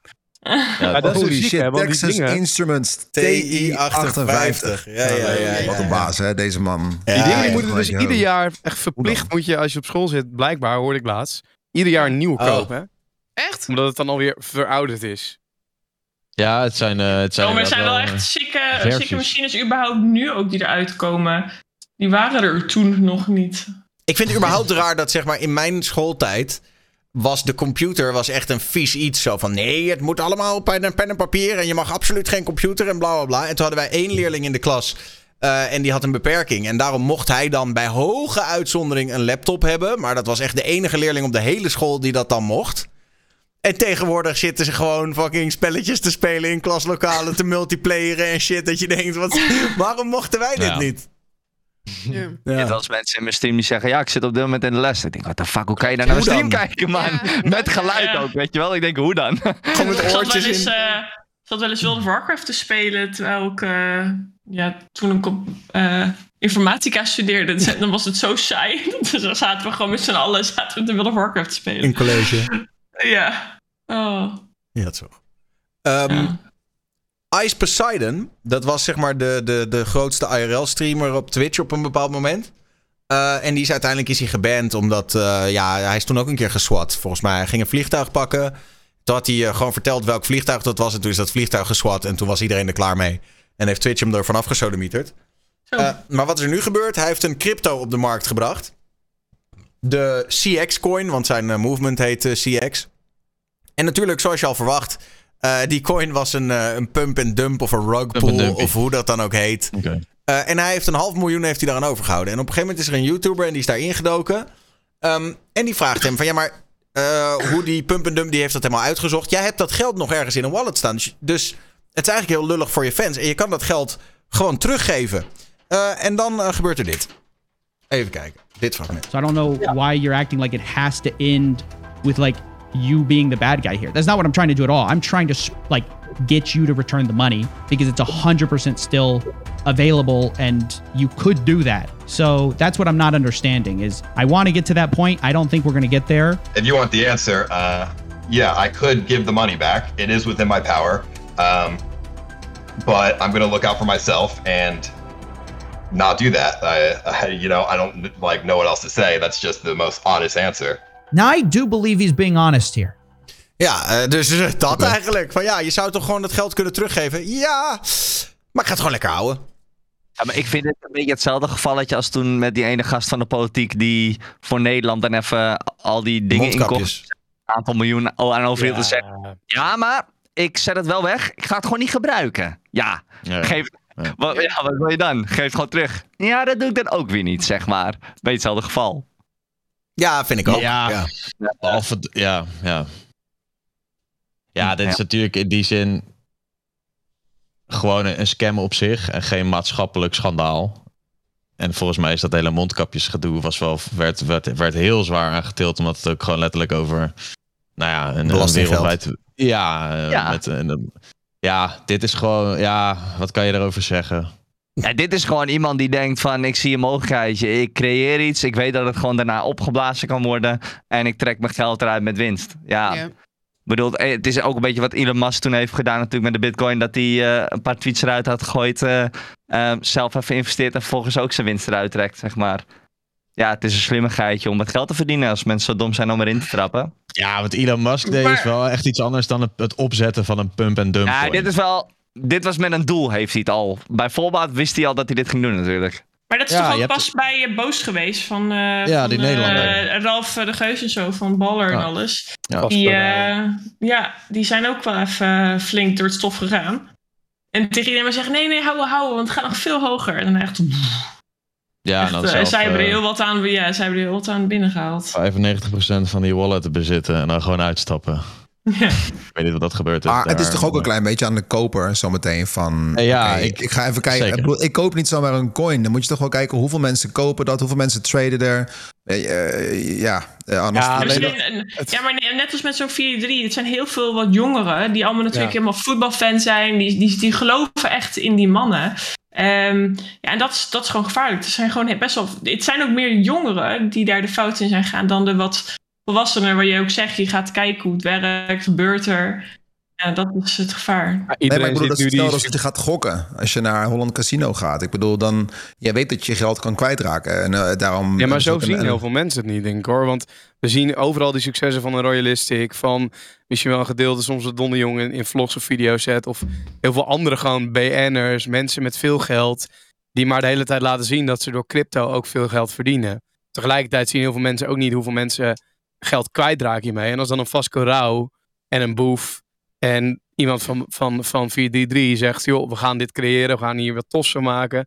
Dan denken heel veel jonge gasten, ah, maar zij hebben er wel verstand van. Zij zijn al rijk, ze hebben al geld verdiend, ze hebben al kennis met investeren. Dus ja, je ontleent hem eh, een bepaald gezag aan die gasten. En als ze Ja. zeggen, joh, we gaan hier toffe exclusieve 100%. producten op lanceren. Dan heb je ook een bepaalde verantwoordelijkheid als, als, als maker. Alleen ja, ik ben het wel met je eens eh, dat het. Ja, het is materie waar je in moet, in moet stappen op het moment dat je een beetje weet hoe het werkt en wat de risico's zijn. En je vooral van bewust zijn dat 90% eh gewoon verlies maakt. eh, van mensen die met crypto bezig zijn, überhaupt. Eh, Crypto, en, is, eh, crypto is toch sowieso een beetje risico. Dat was, want dit was dan een half miljoen. Maar je had toen met die Squid Game eh, serie, had je toch die... eh, heb je dat meegekregen van die Squid Ja. Game crypto? Maar dat is ook Nou. een coin, ja. Ja, dat, maar ik zit nu even snel te zoeken. Dat was 23 miljoen, hè, dat ze hadden opgelicht. Ja. Ja, want dan, maar dan pakken ze, stap je ook nog op een hype van een serie die op dat moment Ja, heel erg ja. gaande is.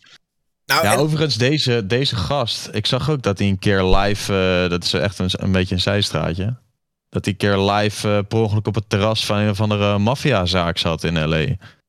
En dat die, dat die vent, was hij aan het livestreamen op Twitch, terwijl hij daar op het, eh, op het terras eh, ging zitten. En toen zei die guy dus on-stream van, yo, eh, deze plek wordt eh, gerund door de maffia. Of je gaat nu weg met je kutstream. eh, of je hebt een heel groot probleem. Dat fragment staat nog op YouTube. Ja, maar was man. dat serieus? Ja, dat was 100% serieus. Je ziet aan deze. Ik, ik, ik je ziet aan deze guy dat het real is. is. Ja, die vent schrikt zich helemaal de tering. Het is op zich een. Nou ja, het is natuurlijk vrij ernstig. Maar, eh, en ik zie net dat het dezelfde guy is waar wij het nu over hebben. Daar, daar herken ik eh, zijn hoofd van. Hmm. Maar goed, we hadden het natuurlijk ergens anders over. Excuus. Nee, maakt maar niet Eh, uit. Ehm, ik, ik had nog een klein, klein tussenstapje met, met, met Ja. NFT's die ook heel erg misbruikt worden nu. Hè? Want die NFT's zijn een super grote hype. Alleen wat er nu dus gebeurt is... Zijn nu platformen dat je je eigen NFT kan maken. En iedereen uploadt alles gewoon maar. Ook copyrighted works van andere mensen. Dus mensen uploaden gewoon... We hadden het vorige week al over die simp NFT's. Plaatjes van Pokémon. En die verdienen daar dan geld mee. Terwijl zij daar nooit toestemming voor heeft gegeven. Ehm, dus dat is fucked op. Maar ik wil er een klein... Ik, dit is niet bedoeld om te exposen of zo. Maar Nick, mag ik jou een, een vraag stellen? Want ik, ik zag iets op jouw Insta. En toen zag ik het daarna op TikTok. En toen dacht ik, hé, hey, wacht even. Ik zag bij jou op je Insta zag ik, ehm, een ding over een waterfilter. Met een electrolyzer en twee glazen. Ja, ja. En toen zag ik het ene glas werd zeg maar eh, vuil en het andere glas niet. En het was gefilterd water. En toen, nou, niet zoveel bij nagedacht. Ik dacht, oké, nou leuk. Nick heeft een waterfilter gekocht. Zal allemaal wel. Een paar dagen later zie ik op TikTok datzelfde experiment. Ja, met een chick, expose van dat ding. Zo van ja, nee, Ja. Je, wordt, je, Ja, wordt, je wordt opgelicht. Dus ik vroeg me af: ben je opgelicht door een water, eh, waterfilterverkoper? Ja, nee, dat is een goede vraag. Een goede vraag. Maar ik heb natuurlijk dat onderzoek wel even eh, gedaan voordat ik mezelf daarmee ging. eh, voor, naar buiten ging brengen. Dus kijk, wat er gebeurt met die, ehm, met, met, met die chick op TikTok. Ik denk dat zij haar. Ik bedoel, kijk, het ding is. Wat we hebben in Nederland met water, waardoor de leidingen lopen, het, het bevat een aantal dingen. Waaronder een stukje kalk. Ik bedoel, dat, dat- daar ontkomen we niet aan. Dat is wat we, niet, wat we allemaal niet in huis willen, waardoor we eigenlijk telkens verstopte douche hebben, noem maar op. Maar eh, kijk, wij als mensen gaan daar niet dood aan in deze hoeveelheden. We hebben een stukje antibioticum wat erin zit, waarmee de dingen worden bestreden. Ik bedoel, ze kunnen heel veel eruit filteren uit het water, maar niet alles. En ehm, er zit ook best wel wat verontreiniging in het water, ook afhankelijk van waar hier in Nederland het eruit pakt.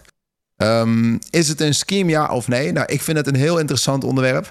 Eh, ik heb ook echt.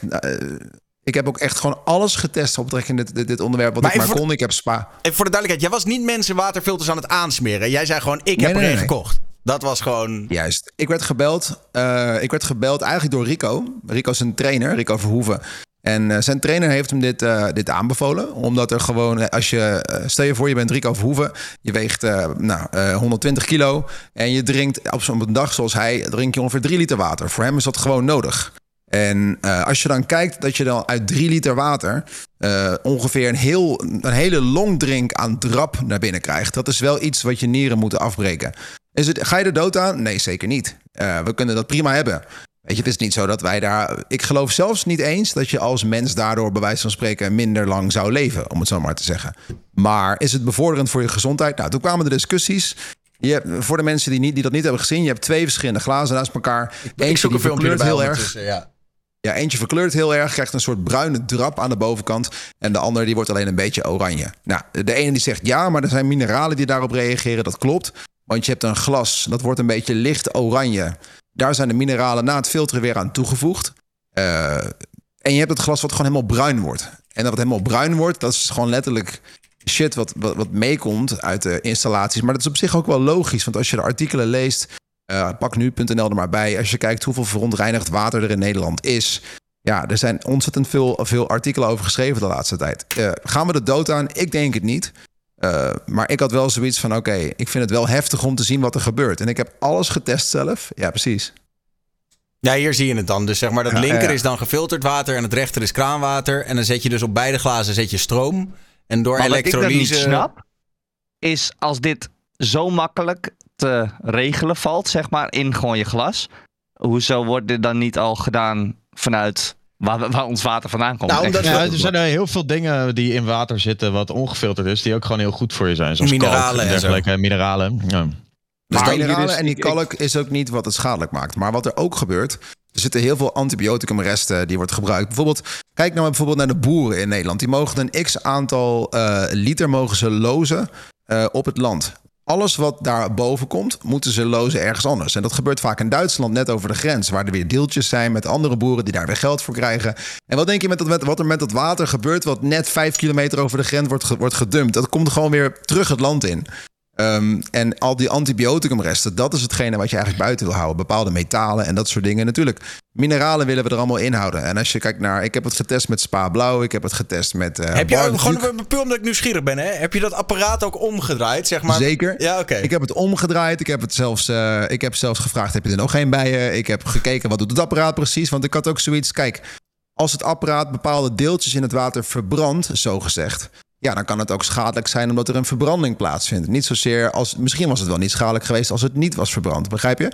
Dus ehm, ik, ik bedoel te zeggen dat eh, als, je, als je kip bakt, je bakt het op goede temperatuur, is het niet schadelijk. Ga je het laten aanbakken, is het wel schadelijk. Dus daar heb ik ook even naar gekeken. Van, is het dan niet zo dat het in de vorm waarop ze het nu presenteren schadelijk is, en in de vorm waarin het door het kraanwater komt, misschien niet schadelijk is?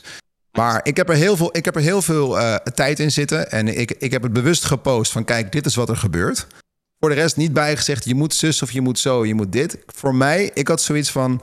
En ook de smaak van het water is ook heel anders. Ja? Ik bedoel, als jij een, een, een kraanwaterglas water pakt... of je pakt het water wat gefilterd is... of zelfs met spa blauw. Bijvoorbeeld, ik vind Fiji water niet te drinken. Maar er zijn mensen die vinden dat lekker. Voor mij smaakt het naar chloor. Ik vind Spa Blauw bijvoorbeeld echt heel vies. Ah, dat vind ik dan weer lekker, maar... Ik vind het Ja. echt heel vies. Ah, Ja, ik- ik kan als, er, als er water ergens is en is het van Spa Blauw, laat maar. Ik vind het gewoon niet lekker. Ik vind San Nee. Pellegrino echt eh, top. Maar dan ben ik Ja. toch benieuwd, waarom doe je het dan in godsnaam? Want als je, zeg maar, Nederland heeft volgens mij van alle landen om ons heen het meest schone drinkwater dat er is. Klopt. Er, je gaat er dus niet dood aan, je voelt je er eigenlijk ook niet slechter door. Er is volgens mij ook nog, nog nooit wetenschappelijk ergens aangetoond dat je er slechter door voelt.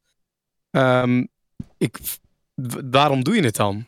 Wat heeft dan het voordeel voor jou om het, om het je Nou ja, om dus, wat, we, als ik dan, dan Nick even mag bijvallen, dan dus blijkbaar om inderdaad antibiotica-resten en andere dingen die gewoon net niet helemaal lekker zouden zijn voor je lichaam, om die er dan uit te filteren. Dat is dan de, de gedachte erachter. eh, in ieder Maar er is toch nooit iemand doodgegaan aan het drinken van kraanwater. Dus Ja, maar dat is, dat is, ik bedoel, dat is, een, dat is een discussie die kun je ook nooit aantonen. Want wie, welke dokter gaat zeggen je bent doodgegaan omdat je eraan kraanwater hebt gedronken? ja. Nee, maar ik bedoel, wat wel zo is bijvoorbeeld, er, is, eh, er zijn een aantal artikelen. Eh, er zijn heel veel, heel veel dames die bijvoorbeeld moeite hebben om zwanger te worden. eh, is afgeraden om kraanwater te drinken. En waardoor het daarna in één keer eh, voor hun een stuk makkelijker ging. Dat was een aantal, er zijn een aantal artikelen die voorbij zijn gekomen van mensen die in Zeeland wonen. Omdat daar best wel veel bevuiling is van het water. Schijnt. Ik woon er zelf niet. Dat Ehm, maar er zit een hormoon, er zit een hormoon in het water daar, eigenlijk een soort van chemische versie van oestrogeen, waardoor het heel lastig is, alsof het, alsof het bijna zou worden opgenomen als de pil. Waardoor het heel lastig werd om, om zwanger te worden. Nogmaals, het is niet mijn theorie. Ik zeg alleen wat ik heb gelezen. Ehm, maar eh, voor mij was het genoeg reden om het eens te onderzoeken. En ik had zoiets van, ik ga eens kijken wat er gebeurt. Ehm, ik werd erop geattendeerd door Rico en die zei van... joh, check dit even, mijn trainer komt hiermee... en, en we hebben wel gezien dat op lange termijn dat wel, een impact kan hebben. Nou ja, eh, ik vind het wel zeker de moeite waard om het te proberen... maar ik stel wel voor dat iedereen dat voor zichzelf stelt. Ik denk niet dat er iemand doodgaat aan het kraanwater. Sterker nog, ehm, ja, eh, het is ook heel lastig om te zeggen... joh, je gaat dood als je dit water drinkt. Maar ik voelde me wel echt... Helemaal als je het gaat proeven, dan proef je ook gewoon een mega verschil tussen kraanwater. Ik vind al, als je in Amsterdam gaat en je drinkt daar uit de kraan, dan smaakt het alweer anders dan hier waar ik woon in Renen. Dat is, is wel een groot verschil. Maar jongens, eh, Daan, het is een goed onderwerp. Alleen ik, ik, ik, ik doe dat gewoon omdat ik vond het zelf, vond ik het wel een bizar verschil in smaak en in wat eruit kwam. Het was ook geen. Maar het, was, iedereen, het was ook niet bedoeld om je zo eh, te. te, te- bedoel, ik, ik vond het namelijk ook interessant. Want ik zag dat experiment. En toen dacht ik er niks van. Maar ik zag. Het was precies die timing, toch? Een week later was er toen een meisje. die ging dat zeg maar zogenaamd debunken op TikTok. Ja, dus het is. ja. Kennelijk kan het inderdaad. valt er nog een beetje over te discussiëren. Maar dat Ja, ja. het filteren Ja. van je water in ieder geval geen kwaad kan. dat staat vast.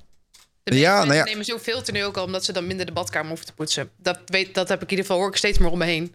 Dat ja, maar dat, dat, is, dat is inderdaad de kalk.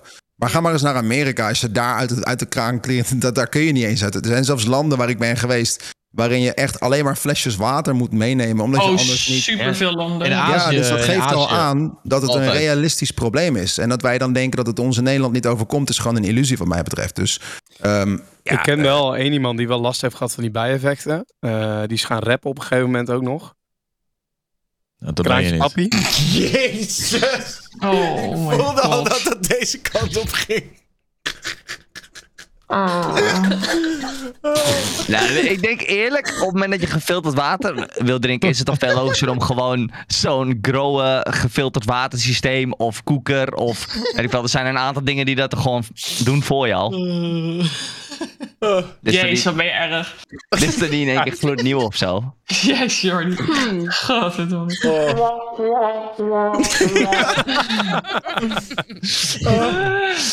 Goed.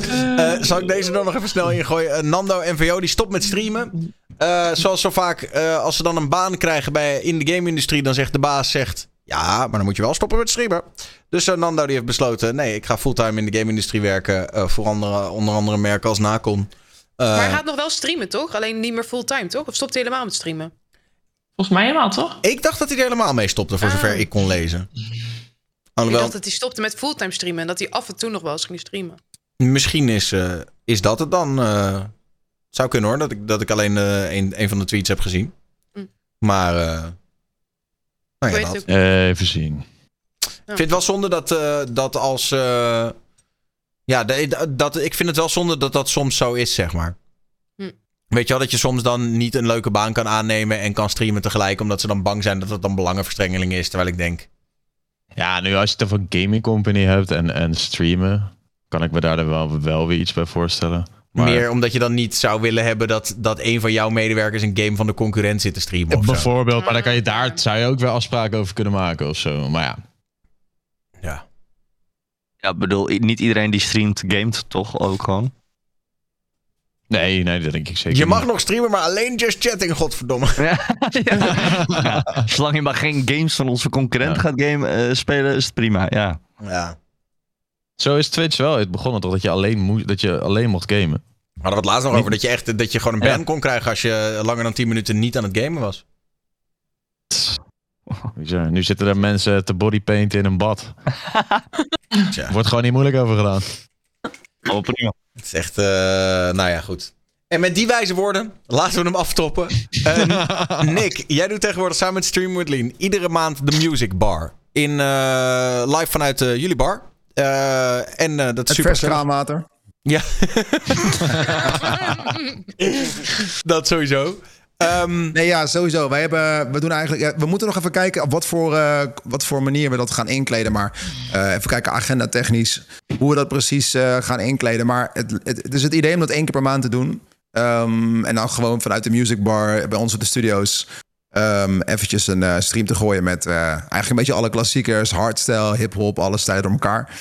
Ehm, ja, en daarnaast eh, doe ik op maandag normaal gesproken mijn streams. De eerste vrijdag van de maand doen we een demo erop. Dus ehm, ja, ik, ik, ik, ik doe lekker een beetje bijhobbyen op, op, op, op Twitch. Omdat ik het gewoon gezellig vind en met de community. En ja, ik vind het superleuk. Dus mochten jullie het leuk vinden en jullie vervelen je... meestal waarschijnlijk op een zaterdagavond dat dit gaat gebeuren... met betrekking tot de Music Bar. Kom vooral even langs, zowel fysiek als, als, in, de, als in de chat. Ehm, ja, ik vind het wel leuk om wat mensen te ontvangen. Ook die gewoon actief zijn, streamer zijn op Twitch. Om er gewoon bij te zijn. Lijkt me hartstikke leuk.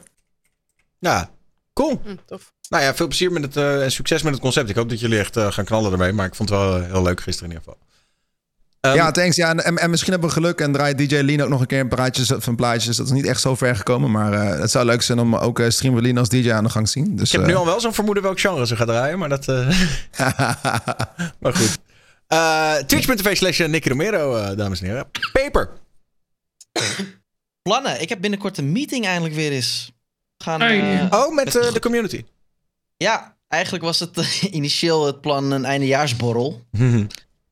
En dat hadden we, we hadden een hotel eh, geboekt, alles erop en eraan, met 50 man. En eh, dat is nu inmiddels verplaatst naar eh, begin april. Dus dat zit eraan te komen, dus daar kijk ik heel erg naar uit. En Wacht. voor de rest gewoon lekker gamen. Wacht even, hoor ik nou... Ja, hadden- jullie hadden een hotel geboekt met 50 man? Ja. Tering, dat gaat wel uit de hand Maar- lopen als je zo, dat soort shit gaat doen met je community. Ik hou er wel van. Om, om, ja, dat is wel lachen. Maar dat, ehm, dat is nu verplaatst naar april. Dus een kleine vertraging van zo pff, vijf maanden, vier, vijf maanden. Maar het zijn nog wel de leuke dingen. En binnenkort natuurlijk Airsoft eventje. Wat ik samen heb met je Vlugge Jaapie. Dat is ook heel leuk dat eraan zit te komen. Ga je dat ook Dus begint streamen? Weer, eh, eh, weet ik eigenlijk. Ja, ik weet niet. Vorige keer was het een beetje een dingetje, geloof ik. Ik zie Jaap knikken Maar, van wel. ehm, Ja. ja, volgens mij zijn er wel plannen inderdaad. Maar eh, sowieso eindelijk weer evenementen. Ik hoop ook TwitchCon dat het doorgaat. Het zou leuk zijn. Ja. Dus, ehm, nee, vooral, ik hoop dat dit jaar echt weer de evenementen komen. En, Mm. Zou dat in Amsterdam nog eh, ingehaald worden dan? wat Ja. je? Ja, toch? Volgens mij hebben Dat ze, zou ze, in hebben, Amsterdam ze hebben in zijn, ieder geval? Ja. niet gezegd dat dat niet zo is. Dus Nee. alles wijst erop dat het waarschijnlijk in Amsterdam ingehaald gaat worden. Maar ja, je weet het natuurlijk nooit. Maar, maar ze hebben in ieder geval niet gezegd van, eh, dat ze de locatie gingen veranderen. Ja, dus eh, daar heb ik enorm veel zin in. En eh, gewoon de komende tijd lekker veel gamen, lekker veel schieten en eh gewoon fun hebben. Zeker. Ja, doop. Nou, twitch.tv slash papertv. Eh, maar vet man, laat even weten hoe eh, erg dat uit de hand loopt met 50 man in een hotel. Want ik kan me zo voorstellen Ja, dat, dat- dat, dat dat lijp gaat. ja, dat wordt een goeie. Fab, wat komt er bij jou allemaal aan de komende tijd? Ja, echt letterlijk geen planning. Ik maak echt nooit een planning. Dus ehm, gewoon een beetje streamen, een beetje met de community schieten. En eh, we kijken wel. Oké. Nou, gezellig. Wordt maar krachtig. Ja, toch? Twitch.tv slash eh, fab1305 met dubbel B. Ehm, Marcella, onder de nieuwe naam. Ja, weer meer streamen eigenlijk. Dat sowieso. Eh, hopelijk weer meer presenteren dit jaar. Vorig jaar goed afgesloten, nou hopelijk doorpakken. Eh, ik ga ook beginnen met simracen. Gewoon casual. Geen eh, gekke dingen, maar setup is onderweg. Dus daar heb ik wel zin in. En ehm, ja, en deze week iets heel leuks. Auto-related. Maar dat verder uh, houden mijn Instagram en alles maar in de gaten. dus uh, ja, helemaal zin in. Een paar dagen. Dus ja, verder, uh, verder gewoon ja, lekker, lekker doorgaan. Ja, ja cool. Ik hoop dat, dat je inderdaad die, die verloren followers snel weer terug hebt. Maar dat, dat, ja. dat komt wel goed. Oh, dat komt wel goed. Ja, dat was wel goed. Zeker. Um, Jill. Ja, het is best wel druk komende tijd eigenlijk. Ik ga weer uh, na vier maanden weer beginnen met sporten. Dus we gaan uh, ringfitten op stream morgen. Dus ik denk dat ik uh, helemaal kapot ben morgenavond. Maar, um, en voor de rest, we hebben Among Us weer opgepakt. Dus het is ook echt wel echt weer heel hilarisch. Want er zijn ro nieuwe rollen in Among Us. En het is echt wel heel grappig. En uh, binnenkort vanuit Vertigo 6 die goede doelenstream. Volgens mij was jij daar ook bij, toch Daniel? Ja, zeker. Dus ook zin heel tof en voor, voor de rest, doctors. Ja, en over drie weken weer proberen partner aan te vragen. Dus we gaan even, even knallen komende weken. Dus ik heb zin in. Let's go. Uh, Twitch.tv yes. slash JillD433. Jaapie. Ja, uh, nog steeds een beetje hetzelfde. Uh, zes dagen in de week nog steeds uh, een beetje schieten. nou ja, wat Peper net zegt, we hebben een airsoft event ja, over een kleine maand. Dus gaan we met uh, mijn en uh, zijn community gaan we airsoften. Um, ja, eh, gewoon knallen. Het enige wat ik doe. Ja, lekker. Lekker ja. ja. Nou, ik, ja. dat airsoft event van jullie ben ik wel benieuwd naar. En als jullie het gaan streamen al helemaal natuurlijk. Dus, uh... Ja, als het goed is wordt het gestreamd. Ik weet niet precies waar, maar als het goed is is het online te volgen als je er niet bij bent. Sasha. Yo. A.k.a. The Galaxy. Dus helemaal niet benoemd tijdens deze, tijdens deze uh, show, nee, besef ik me. Is, maar uh, ook nog inderdaad... Dat is toch helemaal prima. Nee, ik was laatst bij jou uh, setje doen bij Slam, dus dat was erg leuk. Kijk dat vooral terug check, op YouTube. Was check een dat setje heet vooral setje. terug op YouTube. Ja, ja The Galaxy bij Slam. Nee, ja, twee keer per week streamen, gemiddeld. En um, daarnaast gewoon nieuwe platen aan het afmaken. Um, laatste stuk die, die, die track... waarom ik ook het setje bij jou deed. Mhm. Volgende track, volgende maand staat gepland. Deze maand ga ik nog een onofficiële remix uitbrengen op Soundcloud. Uh, ik weet niet of dat anno 2022 nog net zo goed kon als, uh, als acht jaar geleden. Maar uh, ik hoop dat hij er niet afgegooid wordt. En verder heb ik weer een YouTube kanaal. tenminste, ik had al jaren een YouTube kanaal. Dan ben ik weer YouTube video's aan het maken. Voornamelijk gaming video's, horror games. maar daar ga ik ook een podcast op plaatsen. Ik heb een podcast over angst. Waarin ik met mensen praat over nou ja, waar ze bang voor zijn. In alle vormen en maten van het leven. Um, en ook in de studio-video's ga ik daar ook op zetten. Dus uh, onder dezelfde naam, Sascha Harland, kan je me ook op YouTube vinden. En twee keer per week uh, op Twitch. Lekker. Dat is de deal. Nou, oh. volg hem op alles, Sascha Harland of The Galaxy. Dan uh, kom je er. Gezellig. En Jordi?